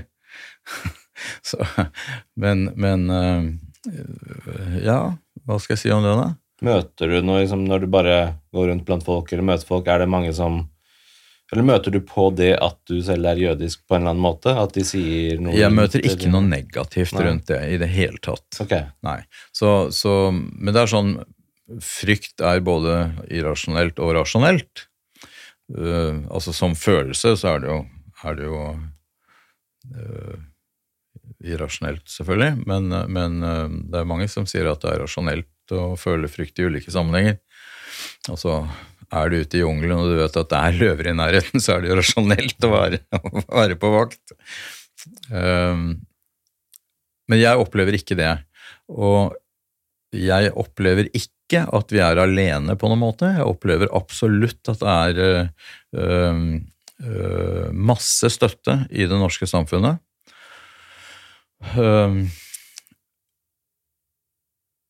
Så det er fortsatt et av de beste samfunnene å bo i, også for jøder. Så bra. Ja. Uh, hva heter de jødene som er veldig synlige med at de jøder som har sånne, Er det hasidiske jøder som har de der? Ja, du har de form? som er det som kalles ultraortodokse, eller haredi-jøder. Ja. Uh, og av dem så er uh, hasidene en del av den gruppen. Jeg er jo selv av en hasidisk tradisjon. Og du ser det er synlig for de går med klær fra 1700-tallet. Ja. Det er teit, det. Når du bor i et land da som har altså 40 varmegrader på sommeren, ja, ja. og går med svære pelshatter som har sin rot i østeuropeisk vinter, så er det tull. Men, hva er greia med det håret som er sånn? Det står i Torah at du skal, ikke, du skal ikke barbere deg over tinningen. Oh. Ja, og da gir det seg utslag i ulike varianter. Noen har veldig bare sånn kinnskjegg, sånn at du, at du har Ja. Og noen har da en liten sånn sånn hårtust som de legger bak øret, som ikke er så veldig synlig. Og så er det noen som gjør mer ut av det og lager sånne pene lokker. Hva er grunnen til det, at man ikke skal barbere seg over det? Er det noen sånn årsak? står i Torah, og grunnen tror vi er fordi at altså, mye av de reglene vi har, er for at vi skal skille oss fra uh, avgudsdyrkere. Ja. I Egypt, for eksempel, så var det jo populært å barbere alt. Men uh, var du også kledd sånn tidligere, siden du kommer fra den tradisjonen? Eller har du aldri vært Vi hadde korte sånne bak øret. Du hadde det, ja? Ja, ja, ja? Og hadde de klærne også? Eller nei, og... nei. Du gjør ikke det? Nei, det har du bare etter at du er gift. Etter at du er gift, ja. Ok. Men er det noen i Norge som er av den tradisjonen som går kledd sånn? Jeg har aldri sett nei. noen i bybildet i Oslo, liksom. Nei. Men jeg ser det mye på New York og ja, andre land, og sånn, så er de veldig Belgia, tydelige. Antwerpen. De har egne sånne Hvorfor har vi ikke noen egne sånne miljøer i Norge, tror du? Vi er mye klokere. Ja. Nei. Nei, altså Hvorfor har man ikke det? Hvorfor har vi så få jøder i landet? Så det er mange rare ja, spørsmål man kan stille. Som, ja. Eh, men siden de er i andre storbyer, så finnes det et miljø av det. på en måte, men, ikke, men, men, det er mange som ikke har det. Det er få som har det. ikke sant? Ja. Jødene i Budapest det er 100 000 jøder i Ungarn. Flest av dem er fortsatt uh, usynlige. Okay. Ja. Så det er veldig, veldig forskjell. ikke sant? København, der er det mange flere jøder, og ikke noen sånne miljøer der heller. Hva er det hasidiske retningen for noe? Hva er det de tror på versus mer um, ah, Det er våre karismatikere. Ah. Ja, De oppsto midt på 1700-tallet som en, en, eh, motretning mot den intellektuelle jødedommen. Og så sa de at det fins andre måter eh, man kan tilnærme seg Gud på enn gjennom studier. Og det er f.eks. gjennom eh, sang, musikk, ekstase. Ja. Appellerte til da mange som da ikke Ja og det var tøffe tider. Det var tøffe økonomiske tøffe tider, og da er det lett å ty til karismatikerne. Også drømmen om Messias og sånn. De har det som heter kabbala også? Kabbala er ja. vår uh, mystisisme. Hva er det for noe? Uh, mystisisme er, er sånn hvor du tolker, uh, tolker tall og tegn. Ja, sånn, ja. Uh, og uh, det heter seg det at man skal ikke begynne å studere Kabbalah før du er eh, fylt 40 og er lærd. Så dette er ikke for legmannsen. Har du lest noe i Kabaret? Nei, nei, nei. nei. Hva er det det handler om? på en måte? Hva er greia? Det, det er mystisismen og rundt uh, Gud, og hva, verden, hva Gud mener med verden og menneskene og ja. Har den mange tilhørere? på en måte? Er det noen som gjør det i Norge også? eller? Som studerer og leser? Nei, nei, nei. Det er Ikke ikke så mye av det. Nei, det er det ikke. Så det er uh, De fleste hos oss tilhører den rasjonelle uh, retningen innenfor jødommen. Hva heter den retningen? på? Er det et eget navn på det? på en måte? Nei, det er Rambams retning, så det er snakk om, om uh, uh, altså der Mystisisme er det beste eksempelet på det. er liksom uh, Gematria er en del av dette. Det er altså tolke tall. Ikke sant? Og så gir du bokstaver. Bokstaver på hebraisk har jo tallverdi. Og så tolker Litt sånn som han, han uh, Hva het han uh, Hva het han skrev den boken med Mm. som lette etter den derre begeret til Jesus og sånn. Ja. uh, Brown. Ja, ja, Dan Brown, ja. Dan Brown. Ja, sy symboler og Riktig. mm. Det er litt sånn kabbalistisk. Ja. Ja. Ja, vi prøver å se tegn og mønstre i virkeligheten. Nesten litt sånn Carl Gustav Jung Ja. inni den verden der. Aha. Ja, det er interessant å liksom lære mer om det. Men, men hvor stor andel er det som er på en måte religiøse jøder i Norge, som går i synagogen fast, som, som deltar i religiøse ritualer? Sånn, er det mange som gjør det? Det er veldig, veldig forskjellig. Ja. Så vi har eh, hva skal jeg si for noe? 20% 40% ikke sant? Altså, hvor mange går i, går i synagogen regelmessig? Da må du definere regelmessig, og eh, alt fra hver sabbat, hver lørdag, til eh, i hvert fall en gang i måneden, eller jeg går i synagogen til alle høytidene, og vi har jo mange høytider. Eh, eh, så over halvparten vil jeg si går i synagogen regelmessig, eh, i betydningen flere ganger i året. Ok? Mer enn bare julaften, på en måte. ikke sant? Mer enn bare jom Kippur. Eh, og så er det spørsmålet hvor mange er det som holder korser. Og det å holde korser er jo, er jo også litt ulikt definert. Det er en som bare spiser korser, til at eh, sånn som jeg spiser korser hjemme, jeg har et eh, korser eh, hjem. Eh, Men når jeg er ute, så er jeg litt mer liberal og, og, og fleksibel. Eh, Til eh, hvor mange er det som gjør kiddush på fredag hjemme, altså som, som velsigner sabbaten med, med vin og brød. Det tror jeg er ganske mange. Eh, Så har vi en del sånne blandede ekteskap, eh, hvor eh, vi forsøker å gjøre litt av begge deler. Eh, Og 20% drar inn et juletre i stua. Så er det greit. Ja, så det finnes så mange ulike praksiser.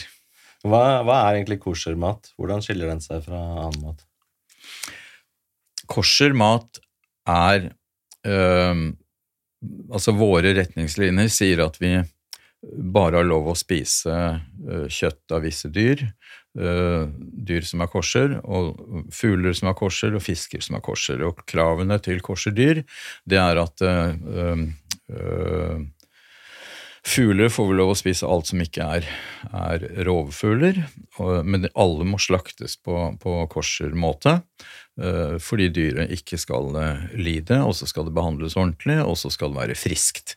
Et dyr som f.eks. er skadet i transport, er allerede ukosher. Eh, Kjøtt skal vi lov å spise dyr som både tygger drøv og har kløvede hover. Så grisen har kløvede hover, men den tygger ikke drøv. Pluss at den er eksplisitt forbudt, da. Riktig. Og så øh, øh, Fisker har vel lov å spise alle fisk som har skjell og finner. Ok, så, Så- ikke eh, skalldyr og sånne ting? Skalldyr er helt forbudt. Det er forbudt, ja. Ja, så eneste skalldyret vi kan spise, er kokt egg. Ok, riktig. Hva med men oksekjøtt, da? Alt det lam? Det er fint. Lam er fint. Um, kylling? Ja. Men hva er, hva er kosher måten å slakte på? For, um, for, Det er veldig strengt. Først og fremst at dyret er, er friskt, Ja. og at eh, den som gjør det, er eh, utdannet til formålet og har verktøy som er helt sylskarpe. Riktig. eh, som er foreskrevet. Um, når det gjelder uh, uh, fjørkre, storfe og småfe, så skal begge pulsårene her kuttes i ett kutt, uh, slik at man både mister bevisstheten og dør med en gang. Og for oksekjøtt og sånt noe? hvordan Tilsvarende. Tilsvarende, Ja, ja. da er kniven så lang. For mest mulig human slakt, på en måte, så minst mulig lidelse. da. Ja. Riktig. Er det mange steder å få tak i koshermat? i Det må vi Norge? importere, for det er forbudt å slakte på korservis i Norge. Oh, Er det det? Mhm. Norge, eh, Sverige og Sveits. Der er det forbudt å slakte på korservis. Men Sveits har åpning for, eh, for eh, fugl, altså høns. Hvorfor er det forbudt i Norge? det? Nei, for det er et interessant spørsmål. Da har vi en doktoravhandling uh, som kom for syv år siden cirka, som forteller om, om den antisemittiske uh, eh, slakte, forbudet mot korser slaktemetode i Norge, som kom i 1930 etter 20 års antisemittisk debatt. Så det er ren og skjær antisemittisme som var bakgrunnen for den loven. Og de som hevder at det var pga. dyrevelferd, så må vi huske på da at eh, sjefsveterinæren gikk imot dette forbudet i 1930. Og vi hadde ikke eh, tid til å vente på at vi fikk Norges første dyrevelferdslov, som kom i 1935. Så den kom fem år etter at vi fikk klart å forby korseslaktemetode i Norge.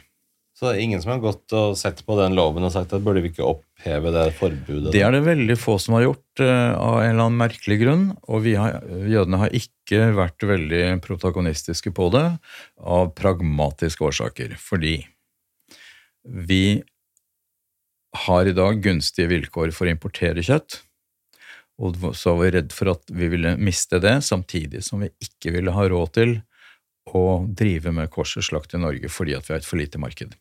Så det ville ha kostet oss for mye å gjøre det. Så hadde vi sittet der i en sånn catch 22. Og, ja. Men prinsipielt så har du jo helt rett. Så burde man ha endret det. For det er jo masse halalmat. Ja, andre krav. Men, men det halalkjøttet som du har her, er ikke halal for alle muslimer. Men er det det du har her, er det slaktet i Norge? På halal måte? Eller er det importert også? Nei, det er tilpasset fordi at de har på en måte akseptert den der bedøvelsen som det er snakk om. Okay. Og Grunnen til at det er forbudt i Norge, det er at vi har ikke lov til altså, øh, Dyret skal ikke være skadet, og når det er bedøvet, så er det skadet. Ja, Riktig. Så vi har ikke lov, til det, det er grunnen til at vi ikke har bedøvelse. Nei, bedøvelse ikke sant? Du bruker et ord som vi bruker på mennesker. Så når du sier ordet bedøvelse, hvilke mentale bilder danner det seg i hodet på Mm. mottakeren da? Ja. Da er det anestesi, ikke sant? Og når vi snakker om dyr, så snakker vi ikke om anestesi. Vi snakker om tre måter vi bedøver dyr på. Og det dumme med norsken her er at vi bruker det samme ordet på dyr som vi bruker på mennesker når vi snakker om bedøvelse. På engelsk så snakker man om stunning. Og det får du ikke, da får du ikke de samme anestesibildene. Og de metodene vi bruker i Norge på å bedøve dyr for slakt, det er enten gassing Alt fjørkre i Norge blir gasset Blir med CO2. Ja. Så det er den bedøvelsesformen vi bruker. Og det vi vet om gassing, det vet vi fra folk som har forsøkt å begå selvmord med sant, å sette seg i bilen sin. Og det, som ikke har lykkes. Veldig, veldig sånne vonde krampetrekninger før du mister bevisstheten, så det er smertefullt. Det andre, det er boltepistol. Da får du noe doing. Og det tredje er elektrosjokk. Det er de tre metodene vi har for stunning av dyr i Norge. Og elektrosjokk er, eh, det vet vi også er veldig, veldig smertefullt. Eh, Det vet vi fra da vi holdt på med elsjokkbehandling tidligere. I dag så har vi gjenopptatt elsjokkbehandling i psykiatrien, men da under narkose. Og frivillig. Ja, ja, men under narkose. Mm. Ja. Fordi at det er smertefullt. Ja. Så um, så vi driver ikke anestesi på dyr før vi slakter dem i Norge. Man altså. ser for seg liksom oksen ligge der med teppe på seg og sånn fin Riktig, likte også maske, Ja, ja. ja. Går det greit nå? Teller vi tilbake på tid? Ja. Det er ikke sånn det er. Nei. Så um, hvordan kom du inn på dette Det temaet? jo koshermat, og så Ja, og så er det dette med kjøtt og melk. Vi har Ja. ikke lov å blande kjøtt og melk. Ja, ja, Så vi blander måte- ikke kjøtt og melk i samme måltid. Ok. Så øhm, vi bruker eget servise på kjøttmåltider og til melkemåltider. Egne bestikk, som korser hjem, husholdninger, ser du har doble bestikk, melkebestikk og kjøttbestikk.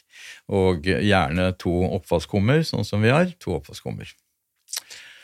Hva kommer det av, tror du? At det med å ikke blande Det står i Torah at du Ja. ikke skal eh, koke et kidd i sitt mors melk. Ah, selvfølgelig. Så, så det har også med sånn øh, sivilisatoriske greier å gjøre. Skjønner. Ja. Riktig. Er det vanskelig å opprettholde et kosherkosthold i Norge, syns du, eller får man tak i alt det man Det er lettere i dag enn det var. Nå har vi sånne fine lister som da våre rabbinere driver og lager. De driver og sjekker eh, ting, og funnet ut at de og de Toro-suppene funker, så vi kan handle i vanlige forretninger. Ehm, og uh, Henny Olsen i is er bra, Diplom i is er bra, og så er det visse ting. Altså, nå er det én av de der bitene i tvisten som er problematisk. Det betyr at vi ikke kan forholde oss til tvist lenger. Hvilken bit? og så er er After Eight er greit, og Kong Haakon er nå ugreit uh, blitt. Men, uh, Ja. men, uh, men Sphinx er, er helt greit, ikke sant? Så, så Hva ja, med vin? Alkohol? der er et helt eget tema. Oh, spennende. Ja, så vin må være Altså, alt som er druebasert, er ugreit. Ah. Det må være kosher-sertifisert for at vi skal kunne drikke det. Så hvis du kjøper israelsk vin, så er det som regel Som regel er det godkjent, ikke sant? Ja. Så øh, rødvin er, øh, må være korsermerket for at det skal Det var spesiell kontroll. Det er ikke noe spesielt som gjøres med det, men det kontrolleres. Og det har med, med avgudsdyrkelse å gjøre. Altså Er det noe jøder er, har sånn angstbitersk forhold til, så er det avgudsdyrkelse. Og øh, det var viktig fra tidenes morgen å holde avstand til avgudsdyrkere. Hva er avgudsdyrkelse? avgudsdyrkelse er de som eh, ikke tror på den ene guden. Sånn, ja. Ok. Mm. De som lager seg eh, Andre guder. Ja. Mm. Og så eh, Fordi at alkohol ble gjerne brukt i sånne ritualer Ah, eh, som avgudsdyrkere holdt på med. Ja, ja, ja. Derfor er det litt sånn spesielt rundt dette med, med eh, druebasert alkohol. Det gjelder ikke akevitt. Det gjelder ikke whisky. Gjelder ikke det, gjelder grappa, men det gjelder ikke genever. Ikke sant? Ja. Og ikke Så- vodka. Så, så man må være godkjente vingårder og sånt, hvor hele prosessen er kontrollert, at man vet sånn og sånn, og sånn om hele prosessen av druedyrkingen, liksom? Ja, altså der er, altså I motsetning til andre sånne korser-sjekk, hvor man sjekker da at her er det ikke altså Hva skal jeg si? ikke sant, altså Ost er problematisk fordi at vi kan ikke spise ost hvor du f.eks. har animalsk løype. Eksempelvis. Eller tilsetningsting. Mhm. Så er altså sjekk av vinproduksjon går ikke på innholdet. Det går bare på at eh, sånn er det produsert, og så, og så er det en som har sjekket det, at det er korket, og det har liksom ikke vært noen avgudsdyrkere i nærheten. Riktig. Innen en kilometer Riktig. radius. Så det, går, så det er bare det er en ren og skjær formalitet. Ja. Mens, mens Og hvis du det jobber noen avgudsdyrkere på Vinmonopolet som har tatt på flaska når du kjøper den, Nei. det blir problematisk. Da er det problematisk, ikke sant? Så, øh, så der er sånne, sånne der, er det ikke faktiske øh, sjekker på innhold Nei. som det er i andre sammenhenger. Men alkohol i seg selv er ikke noe problem. Nei, nei. Mm. Vi har jo til og med helligdag f.eks. som Pesach, hvor det er pålagt å drikke fire beger med vin. Så bra. Og vi har Purimfesten, hvor det er forpliktet til å være full. er det det? Ja. Så vi har ikke noe angstvitersk forhold til alkohol, nei. Hvordan, hvor full da? Det er sånn at du ikke kan skjelne mellom, eh, mellom Mordechai og Haman. Altså, så det er sånn, men du skal klare å skille mellom godt og vondt. Så du, altså, du kan være overstadig beruset, men ikke helt dritings. Du skal huske hva du heter. Ja. Det er viktig. Ja. Riktig. Hva slags fest er det? Hva er det man feirer da? Da feirer vi øhm, Det er det da jeg sier at antisemittismen er 2500 år gammel, Ja. så feirer vi overlevelsen etter et fysisk folkemordforsøk Ja. i Persia 500 år før vanlig tidsregning. Og det kan du lese om i Esters bok, som er en del av den kristne bibel også. Ja, fordi um, det jødiske deler vel hele Gamle testamentet med, med kristendommen. Er det akkurat likt, eller? Eller er det noe andre Du mener omvendt? Ja, ja, omvendt kanskje, ja. De kristne har jo foretatt Ja, en, ja. religiøs appropriasjon Ja. og appropriert hele vår bibel. Driver og approprierer. Hele vår bibel. Men man har litt forskjellige tolkninger i det jødiske aden og i det kristne. Det kan man si. Når, når du leser eh, Bibelen vår med kristne briller, så leser du inn en del sånne framtidsprofetier som ikke vi leser, selvfølgelig. Ja. I eksempel bindingen av Isak. ikke sant? Altså Bindingen av Isak kaller de kristne for ofringen av Isak. Vi gjør jo ikke det, for han ble jo ikke ofret. Og da leser de inn noe sånn Jesus-profetier. Hvem var Jesus i forhold til den kristne troen? Var, dere anerkjenner at han var der, på en måte, men Vi har jo historiske kilder på at han eksisterte. Ja, ja. Ja. Jeg bare tenker på hva, hvilken rolle hadde han i det jødiske? Ingen. Han har jo altså, øh, altså ingen signifikant religiøs rolle, nei. Men han var jo en jøde i vår jødiske flokk på den tiden. Alle disiplene hans var jøder. Han hadde jo ingen forestillinger, Jesus, om å etablere en ny religion. Men han, mange så på ham som en opprører, og ja, men han, øh, jeg tror han var en snill mann. Jeg tror han mente godt. Hvem er det som er de viktigste måte, enkeltpersonene? Nei, vi er veldig forsiktige med persondyrkelser. Ja, ja. Så derfor kan du si at ok, vår fremste, han som, eh, som uh, fikk loven fra Gud på Sinai-fjellet, Moses, vi vet f.eks. ikke hvor han er begravet. Vi vet at han eh, et eller annet sted på Moria-fjellet, men ellers så vet vi ikke, og det var jo bevisst fra Guds side for at ikke vi skal drive sånn persondyrkelse. Riktig. Ja. Så Fordi- persondyrkelser er eh, på vei til avgudsdyrkelse. Aha, Mm. nettopp. Fordi du kan si Dette leder oss inn på Israel. for Var det ikke sånn at Gud sa at eh, Israel er jødenes land, og ga det til Jo, jo. Abraham og to andre Det er riktig. Ja, Isak og Jakob. Ja, Sønn og sønnesønn. for, for 2700 år siden. 3400 år siden. Ja, riktig. Eh, og da er det mye av opphavet til også at jødene føler at Israel er sitt land? Er det der det stammer fra? Ja, Ja, ja. Det er der det kommer fra? Ja, ja, selvfølgelig. Mm. Vi hadde jo altså jødiske kongeriker i 1000 år før vanlig tidsregning.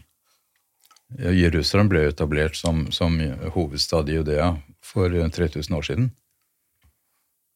Så jeg mener, hvis vi snakker om urfolk, så er det ikke noe tur å lure på hvem som var urfolk i området. Det er det jeg lurer på, fordi det, fordi det er så mange forskjellige måter å tolke den konflikten som er på nå. For eksempel Ja. som jeg hadde, jeg hadde Torkel Brekke her, Mm. professor religionshistorie, religionsvitenskap. Um, og så spurte jeg hvordan skal vi se denne konflikten?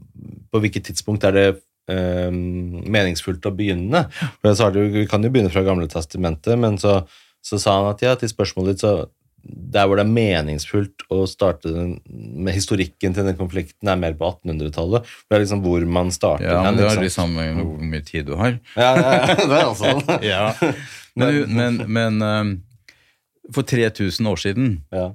så ble Jerusalem etablert som hovedstad, og så hadde vi øh, de første kongene, kong Saul, hans, også kong David, og så hans sønn kong Salomo. Så øh, Salomo bygde tempelet. David fikk ikke bygge tempelet, for han var en kriger. Riktig. Ja, Men Salomo bygde det første tempelet. Så var det etter øh, Så ble jødene kidnappet til, til øh, Persia. øh, og var der i 500 år. Og så kom de tilbake, så bygde de det andre tempelet. Og så kom øh, keiser Herodes og hva heter det, øh, gjorde et oppussingsarbeid. Så ofte så snakker vi om Herodes tempel, øh, så han pusset opp det andre tempelet. Bygde på litt og sånn håndverker. Han var ikke, jeg tror ikke han var håndverker sjøl, men eh, han hadde midlene. Men hvorfor ga Gud eh, Israel til jødene? Hva er det som er forklaringen i Gamle testamentet? Hvorfor skulle jødene ha et eget land? Eh, fordi at han inngikk en pakt med eh, Husk på at før det så var det ikke noe jøder. Eh, jødedommen er en eh, religion, men jødene er en etnoreligiøs gruppe. Så vi er både en etnisk gruppe og en religion, og en religiøs gruppe. Men vi var ikke en religion først. Først så var vi en familie. Familien til Abraham, Isak og Jakob. Deretter ble vi et folk, ikke sant, det etniske. Eh, Det ble vi med utgangen av Egypt, etter at vi hadde vært i slaveri der i 400 år. Og så ble vi en religion på vei til Israel i, i, i Sinai-ørkenen. Så vi var først en familie, deretter et folk, så en religion. Derfor er vi en etnoreligiøs gruppe. Så uh, Gud inngikk en pakt, en avtale betyr det, med Abraham, og uh, lovet ham at hans etterkommere skulle bli som stjernene på himmelen og som støvet på marken, altså like tallrike, og eh, at vi skulle bo da i Knaans land, Israel. Riktig. Fordi um, det er jo til og med en sånn linje om det i den som heter på engelsk eh, The Benediction, hvor du har den um, Hva heter den igjen? Uh, Herren løfter sitt åsyn på deg og gi deg fred, og under det så kommer det en linje om Israel. Oh, ja. Under der igjen. Eh, jeg kan finne den etterpå, jeg husker ikke helt hva den var, men der står det til og med at på en måte ehm, skal passe på Israel, et eller annet. Jeg skal jeg ikke sier det feil.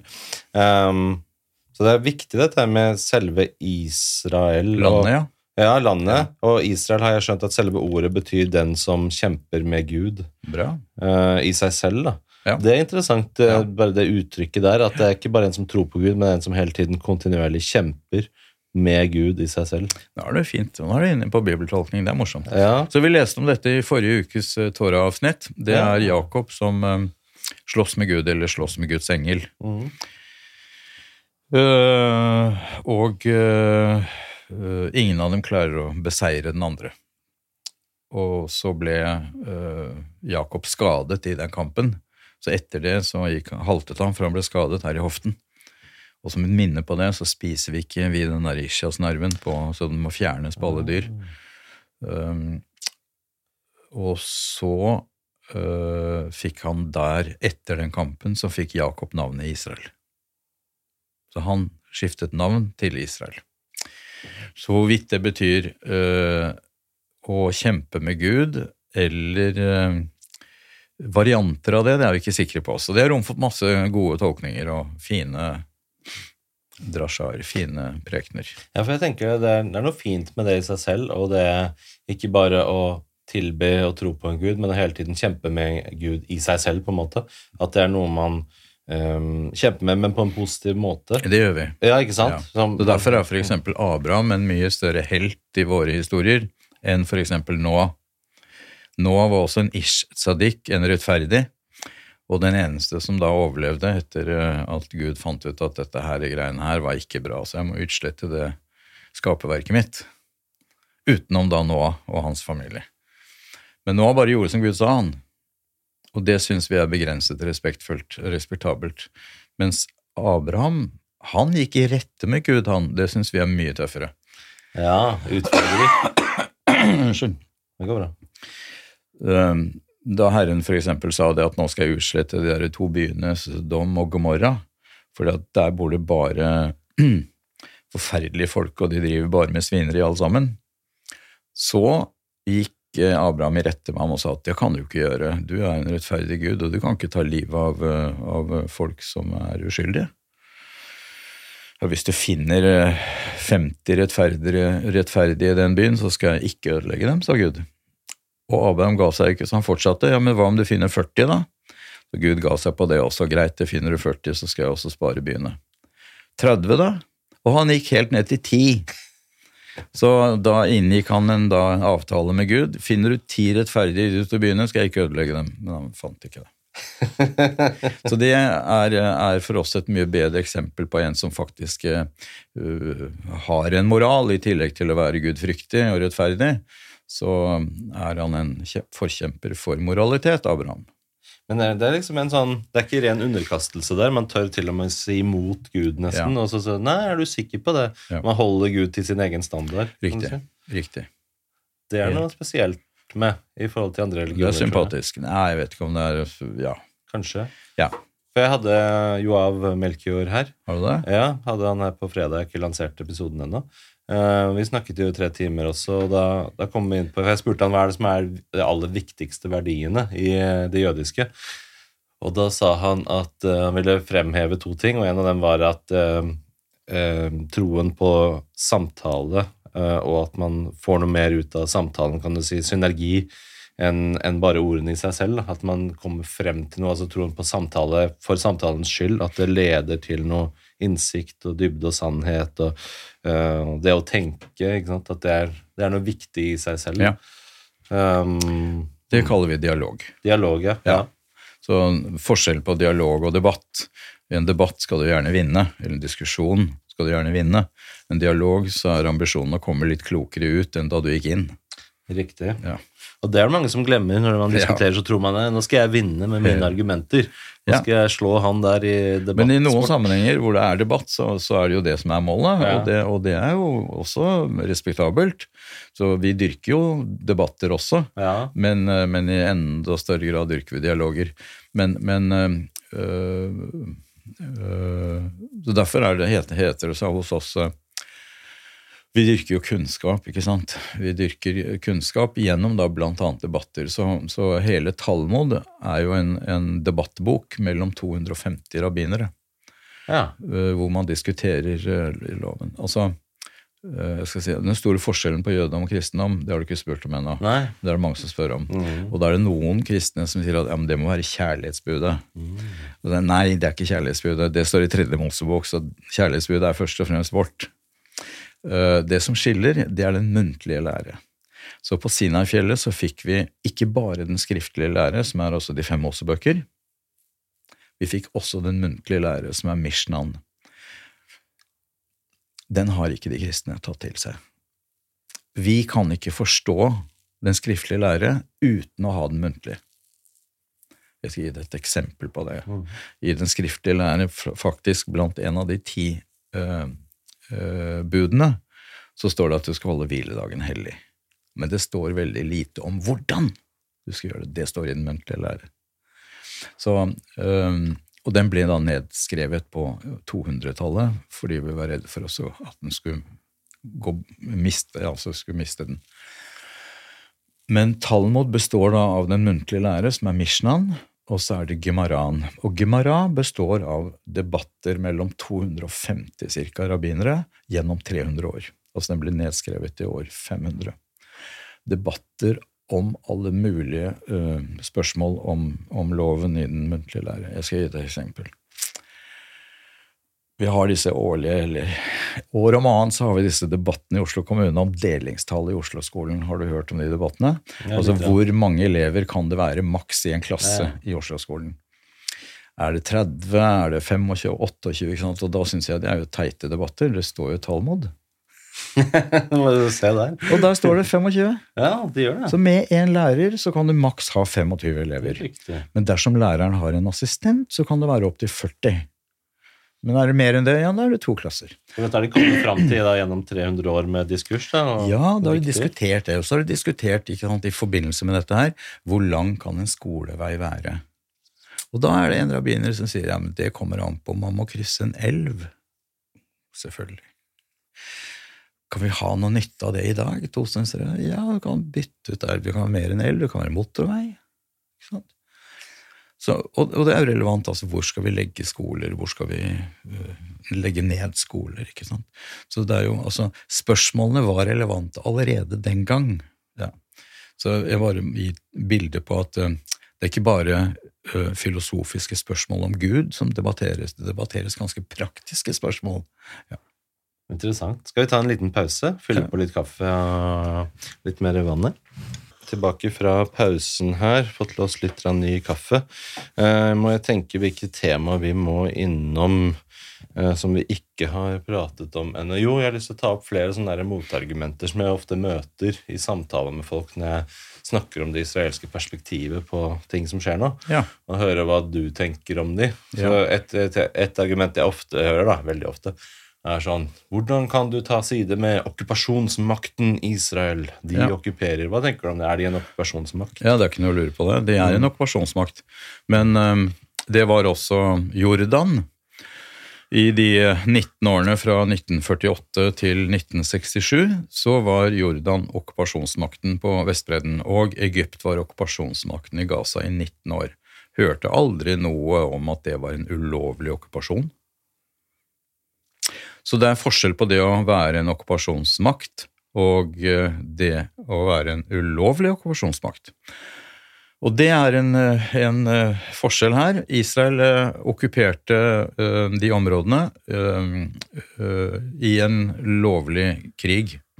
Og det å okkupere områder i krig er i seg selv ikke ulovlig. Men hva med per nå i dag, 2023? Er de en okkupasjonsmakt nå? Ja, de er jo det fortsatt. Mm, Ja. Ja. De okkuperer øh, Vestbredden. De okkuperer ikke lenger Golan. Golan er annektert. Og det er en forskjell. Øh, Nå kan Noen hevde jo at det er ulovlig, men ikke desto mindre så er Golan annektert. Kommer aldri til å gi fra seg. I motsetning til Vestbredden, som øh, Israel kan gi fra seg. Hva tenker du om at den er okkupert? Burde de gi den fra seg, eller hva syns du om hele Nei, jeg mener, ja, jeg mener jo det at, eh, at uh, palestinerne bør etablere sin egen stat ved siden av Israel. Det mener jeg.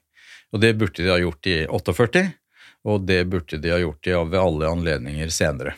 Senest i år 2000, uh, Camp David-forliket, som da Arafat til slutt eh, eh, gikk fra. Og så kom det en intifada isteden. Det ødela hele fredsbevegelsen i Israel.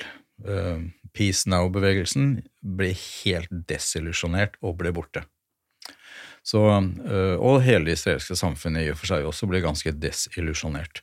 Så det er ikke tvil om at eh, de palestinske lederne og de arabiske vennene deres har eh, latt sjanse på sjanse gå fra seg. Men vi håper fortsatt. Så vi håper, jeg håper at øh, det blir etablert en palestinsk stat ved siden av Israel.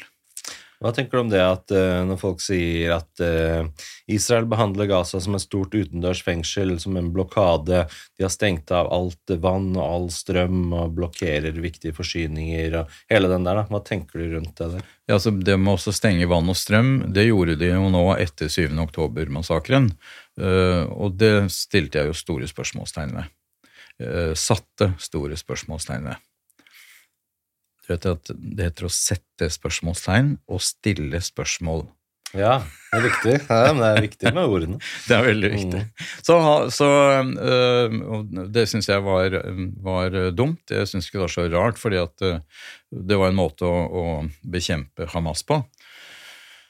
Men allikevel så ville det ramme sivilbefolkningen så veldig også, så det var, øh, mente jeg var ugreit. Men, men hvem er jeg, liksom? Rent bortsett fra at, at øh, Gaza ikke er okkupert, men uh, det er en blokade på øh, ikke-sivilt utstyr. Blokaden uh, står Israel for, ikke alene, men med Egypt. Det er veldig fort gjort å glemme at Egypt er en del av den blokaden. Øh, offisielt så, så er Israel fortsatt okkupasjonsmakt på Gaza, selv om de ikke okkuperer Gaza. Det er ingen israelere på Gaza, ingen israelske sivile, ingen israelske soldater. Men øh, øh, det internasjonale samfunnet har, en, har ikke akseptert øh, at øh, Israel ikke okkuperer Gaza. Så det er en ren formalitet når man sier at Israel fortsatt okkuperer Gaza. De gjør jo egentlig ikke det. I realiteten gjør de ikke det, i motsetning til Vestbredden, som Israel i realiteten okkuperer. Men det er ikke en ulovlig okkupasjon. Og så er det snakk om bosettingene. Er de lovlige eller ulovlige? Så er det veldig populært å si at det er ulovlige bosettinger. Uh, uh, mange mener at det ikke er ulovlige bosettinger. Og grunnen til at man kan mene at de er ulovlige, det er den fjerde Genévekonvensjonen. Men den fjerde Genévekonvensjonen sier at uh, en okkupasjonsmakt har ikke lov å flytte sine innbyggere inn på okkupert område. Israel har ikke gjort det, mener da mange. Israel har ikke flyttet sine innbyggere inn på okkupert område. Innbyggerne har gjort det helt på egen hånd. Og der, øh, derom da strides de lærde. Men uavhengig av det, så øh, deler Israel inn disse øh, bosetterne i lovlige og ulovlige bosettinger. Så der du har disse her hilltop-bosetterne, som det heter, som da på eget initiativ går og finner på at den høyden der skal vi bosette, oss og lage en bosetting, uten at de får lov til det. Og da river israelske myndigheter den bosettingen. Hva tenker du om det? Jeg tenker at det hele er, er ugreit. Altså fra tidenes morgen, da Israel okkuperte Vestbredden i 67, så var det jo israelske politikere som ikke ville at man skulle åpne for at israelere skulle kunne bosette seg i det hele tatt. Um, tunge politikere mente det. Så det er problematisk. Men det er like problematisk å si at vi kan ikke etablere en palestinsk stat med disse jødene boende her. Og da spør jeg hvorfor kan man ikke det? Hvorfor må det være jøderent? Det bor altså uh, arabere i Israel. 20% av Israels befolkning er arabisk, eller palestinsk, da, som noen kaller det. Og det går helt fint. Ja. Altså, men de bosettere, er det samme begrepet som når man sier settlere? ja, samme- bare at det er engelsk. Jeg Ja. syns det er fint å bruke norske ord. Ja, sant. Ja. Men jeg lurer på om det er liksom det samme. Eh, Fordi Det er jo ikke det samme. Nei, For settlere er jo ladet på en helt annen måte. ja, det er sant. Ja. Det er sant fordi For du får assosiasjoner til Sør-Afrika. Ja, ikke Ja, sant? For jeg får det inntrykket, eller det var VG som hadde en reportasje hvor det var sånn Se, dette er settlerne. Eh, og så var det på en måte bilde av en jødisk mann med en veldig tydelig jødisk eh, bekledning, og så eh, svært maskingevær i hendene, og ser ut som en sånn skikkelig skal ut og drepe palestinere type Det er det du får inntrykk av, da. Eh, sånn den er på en måte ladet. Um, er det en riktig fremstilling av, av bosetting? Husk på at Tel Aviv i sin tid var en bosetting. Mm. Sant? Ja. Så vi får et litt sånn skjevt inntrykk av Nei, men du, du får litt sånn ja, altså, Du har jo ikke kontroll med hvilke mentale bilder som mottakeren får i hodet sitt. Det gjør du ikke. Så um, øh, bosettingene er problematiske. Ja, Okkupasjonen er ikke problematisk. Så Hvis jeg skal si, si det kort, så sier jeg at jeg er for okkupasjonene mot bosettingene. Ja. Ja. Og Man hører om sånn der at, at det er enkelttilfeller av noen som er som er sånn type som løper rundt med maskingevær og prøver å, å, å, å angripe palestinere. Jeg vet ikke om det medfører riktighet, eller om det Jo, jo, noen av dem er jo, er jo voldelige okay. og aggressive. Ja. Og noen av dem er jo, er jo altså forbryterske og, og brenner eh, naboens eh, oliventrær. Og, og de blir jo da rettsforfulgt. Og så kan noen si at jeg mener jo det at de er, de er litt for lemfeldige. altså øh, Israelske myndigheter burde ha vært litt mer offensive på eh, de forbryterske øh, bosetterne. Som er voldelige mot naboene sine. Og, ikke sant? Så det, det det er noe som, som okkupasjonsmyndighetene må ta et større ansvar for, å være enda mer proaktive enn de er. Fordi Det er et viktig skille. Det er liksom ikke israelske myndigheter offisielt som vil at, at eh, bosettere skal løpe rundt med maskingevær og drepe naboen sin. Liksom. Det er de selv Nei. som tar det valget, at de Det- skal Det er gjøre det. forbudt. Ikke sant? Men, men, eh, men det er forskjell på det å ha våpen til selvforsvar. Og, i- og i mange sammenhenger så er det nødvendig. Ja, Spesielt nå. ja, ikk- ja spesielt nå, men også spesielt før. ikke sant? Altså, det går en sånn der bilde av to stykker på Facebook på de som da altså forsøker å sammenligne fangeutvekslinger med fanger fra israelske fengsler til, til altså frigivelse av gisler fra, fra Hamas. Og der er det også bilde av en femåring som da er frigitt, også en eh, dame på 20-30-årene som er dømt for å ha knivstukket to mennesker. Um, og det er forskjell på Israel er en rettsstat. Ja. Og de som forsøker å tegne et bilde av Israel til å ikke være en rettsstat, gir et feil bilde. Og det gjelder også egne regler for da de okkuperte områder. Der er det ikke uh, israelske politimyndigheter som er ansvarlige, men det er militærmyndigheter. Ikke desto mindre så er det altså rettsregler som skal følges der også. Mm. Har du reist mye i Israel selv? Har du Nei. vært mye der? Nei. Har du besøkt der? Ja, ja, ja. Du har det, ja. ja. Jeg har bodd i Israel òg. Ja, du har det. Hvor i Israel bodde du da? Jeg bodde der på 60-tallet, så jeg kom tilbake hjem igjen i 65. Og jeg husker talene over radioen til eh, Gamal Abdel Nasser, som eh, yppet i krig da i lang tid før 67-krigen. Jeg bodde utenfor Haifa i en liten by som het Kfar Atta. Nå er det en større by og heter Kiryat Atta. Disse kibbutzene, hva er egentlig hva er en kibbutz? Det er et kollektiv, arbeidskollektiv. Eh, Så det var en av årsakene til at eh, sosialdemokratiet i Norge syntes det var så fascinerende og flott med Israel, for de så jo det at det var eh, virkeliggjøringen av det ideelle sosialistiske samfunnet. Så det er jo sosialistiske kollektiv. Det er det. Ja. Men har du mange familie og venner og sånt som bor i Israel nå? Så mange bekjent og du har kontakt med Jeg mange? har noen, ja. Jeg har familie der. Hvordan, hvordan, hva slags inntrykk får du av hvordan de har det? nå? Hvordan er stemningen å bo i Israel? nå? Der øh, De, de syns det er fint, ikke sant? Ja. Jeg hadde ikke klart det. det for meg er det for, øh, for øh, mye spisse albuer. Det er et for øh, hektisk tempo. ikke sant? Jeg er glad i, i Norge og glad i det norske tempoet, glad i de norske menneskene, glad i det norske sinnelaget. Øh, Jeg er glad i den norske naiviteten og tillitssamfunnet. Ikke sant? Og det er annerledes i Israel. I Israel så ser du for deg at folk vil lure deg, det er det første du tenker. Nå må jeg passe på å ikke bli lurt! og det er ikke det første jeg tenker i, i Norge. Ja, for Hvis du skal beskrive den norske kulturen versus israelske, de grove trekkene, sånn som du skisserer her, Ja. hvordan er det typiske Israel versus norske? Det er jo et hekt, De lever jo Det er hektisk, og så lever de intense liv. Eh, De har dårlig tid. Uh, uh, Og så er det en kamp om å overleve. Det er et kapitalistisk samfunn. Det er veldig kompetitivt. Eh, Og så eh, Ja. Det er jo et Midtøsten-samfunn. ikke sant? Som jeg sa i sted, så er over halvparten av, av eh, de jødiske israelerne har jo sin avstamning fra arabiske samfunn. Eh, og så har du fått en influks av 1,25 millioner uh, eks-sovjetrussere. De har ikke én dags demokratisk erfaring.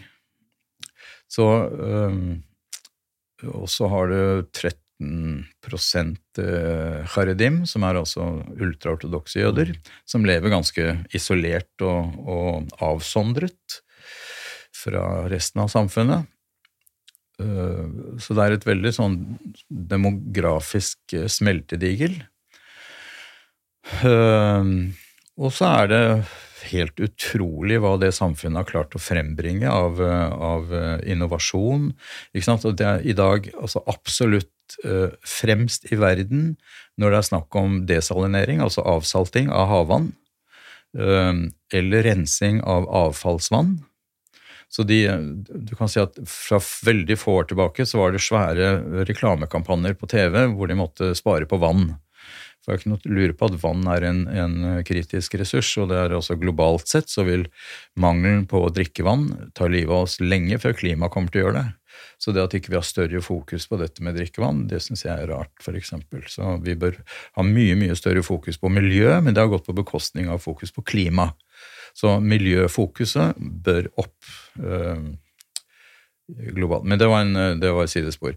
Desalinering av vann i dag eh, er det ikke lenger eh, eh, knapphet på drikkevann i Israel. I dag eksporterer Israel drikkevann til sine naboland, f.eks.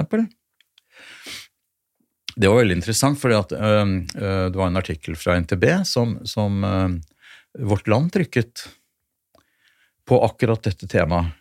Og så så jeg samme artikkelen i Klassekampen, men da hadde Klassekampen tatt ut de elementene som dreide seg om at Israel hjalp da palestinske områder og naboland Egypt f.eks.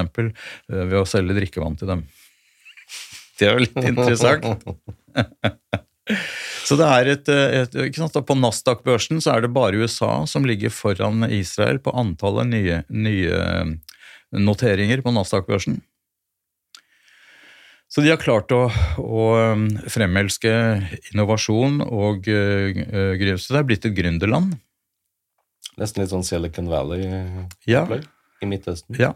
Så um, det um, Vi har mye å lære der. Så det at, ikke, at vi har sånn her, hva heter det, uh, uh, syn på Israel som et sånt parialand, uh, hvor det har blitt sånn stuerent å, å, ikke ha noe kontakt med Israel eller snakke om Israel, er litt dumt for Norge, Norsk Akademia, som kunne hatt stor glede av å ha samhandel og samrøre med, med Israel. Det er ikke alle universiteter som, som boikotter Israel.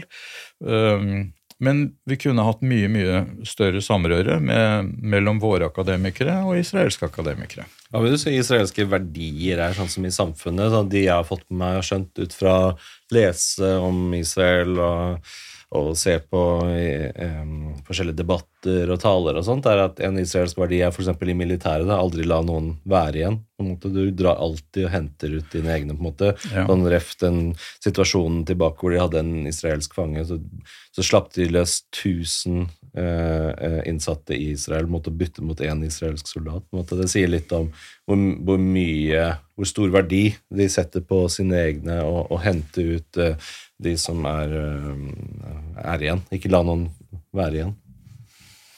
Ja. Jeg har ikke noen kommentar nei, til det. Nei, nei. Det er det én ting. Og så um, Hvilke andre verdier vil du si? Hva betyr det å være Det er sånn som du var inne på, da, det kan være mange forskjellige kulturer og sånt som bor i Israel, men er det noe sånn, er det en paraply um, uh, og et sett med verdier som betyr å være israeler? Jeg er israeler, liksom. Hva betyr det å si det? Nei, altså Israel er et helt vanlig liberalt demokrati som bygger på rettsstaten. Um, og så er majoriteten av Israels befolkning majoriteten er jødisk. Um, det fremste i jødisk uh, tenkning, det er livets hellighet. Det er ingenting som kommer opp mot livets hellighet. Det var det kan du si, jødedommen brakte til verden, det var humanismen. Så um, en jøde er forpliktet til å bryte absolutt alle bud for å redde liv. Så um, Israel er ikke forskjellig verdimessig fra Norge.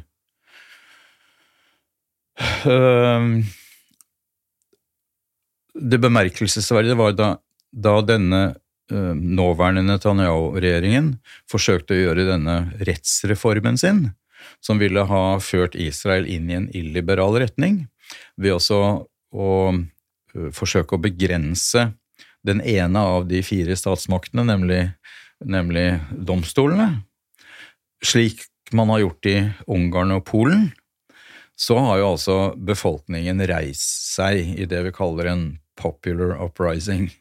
Eh, og har holdt på i over åtte måneder med ukentlige demonstrasjoner. Hvor det var altså hver eneste helg så var det altså hundretusenvis av mennesker i gatene som demonstrerte. Og det har det holdt på med hver uke i over åtte måneder. Den uprisingen så du aldri i Ungarn eller Polen. Og det er et veldig forskjell kan du si, på det israelske demokratiet, hvor folket reiser seg for å, å beskytte det israelske demokratiet. Og det at demokratier må beskyttes, det, det, er en viktig påminnelse, fordi at la oss si vårt eget samfunn, så tar vi så mye av vårt liberale demokrati for gitt at ikke vi tenker på at det faktisk kan trues, og at det må beskyttes. Og en av årsakene til det tror jeg at 85-90% av alle som lever i Norge i dag, er født etter krigen. Har ikke noe annen erfaring enn det norske liberale demokratiet. Så det å se på hva som skjer rundt, rundt oss, det er viktige påminnelser. Tror vi skal la det bli siste ord. Veldig fint sted å stoppe opp. Og jeg vil bare si tusen takk for at du kom hit i dag. Veldig fint å samtale takk med deg. Takk for at jeg fikk komme. Og tusen takk også til alle dere som har sett på denne episoden og lyttet. Tusen takk.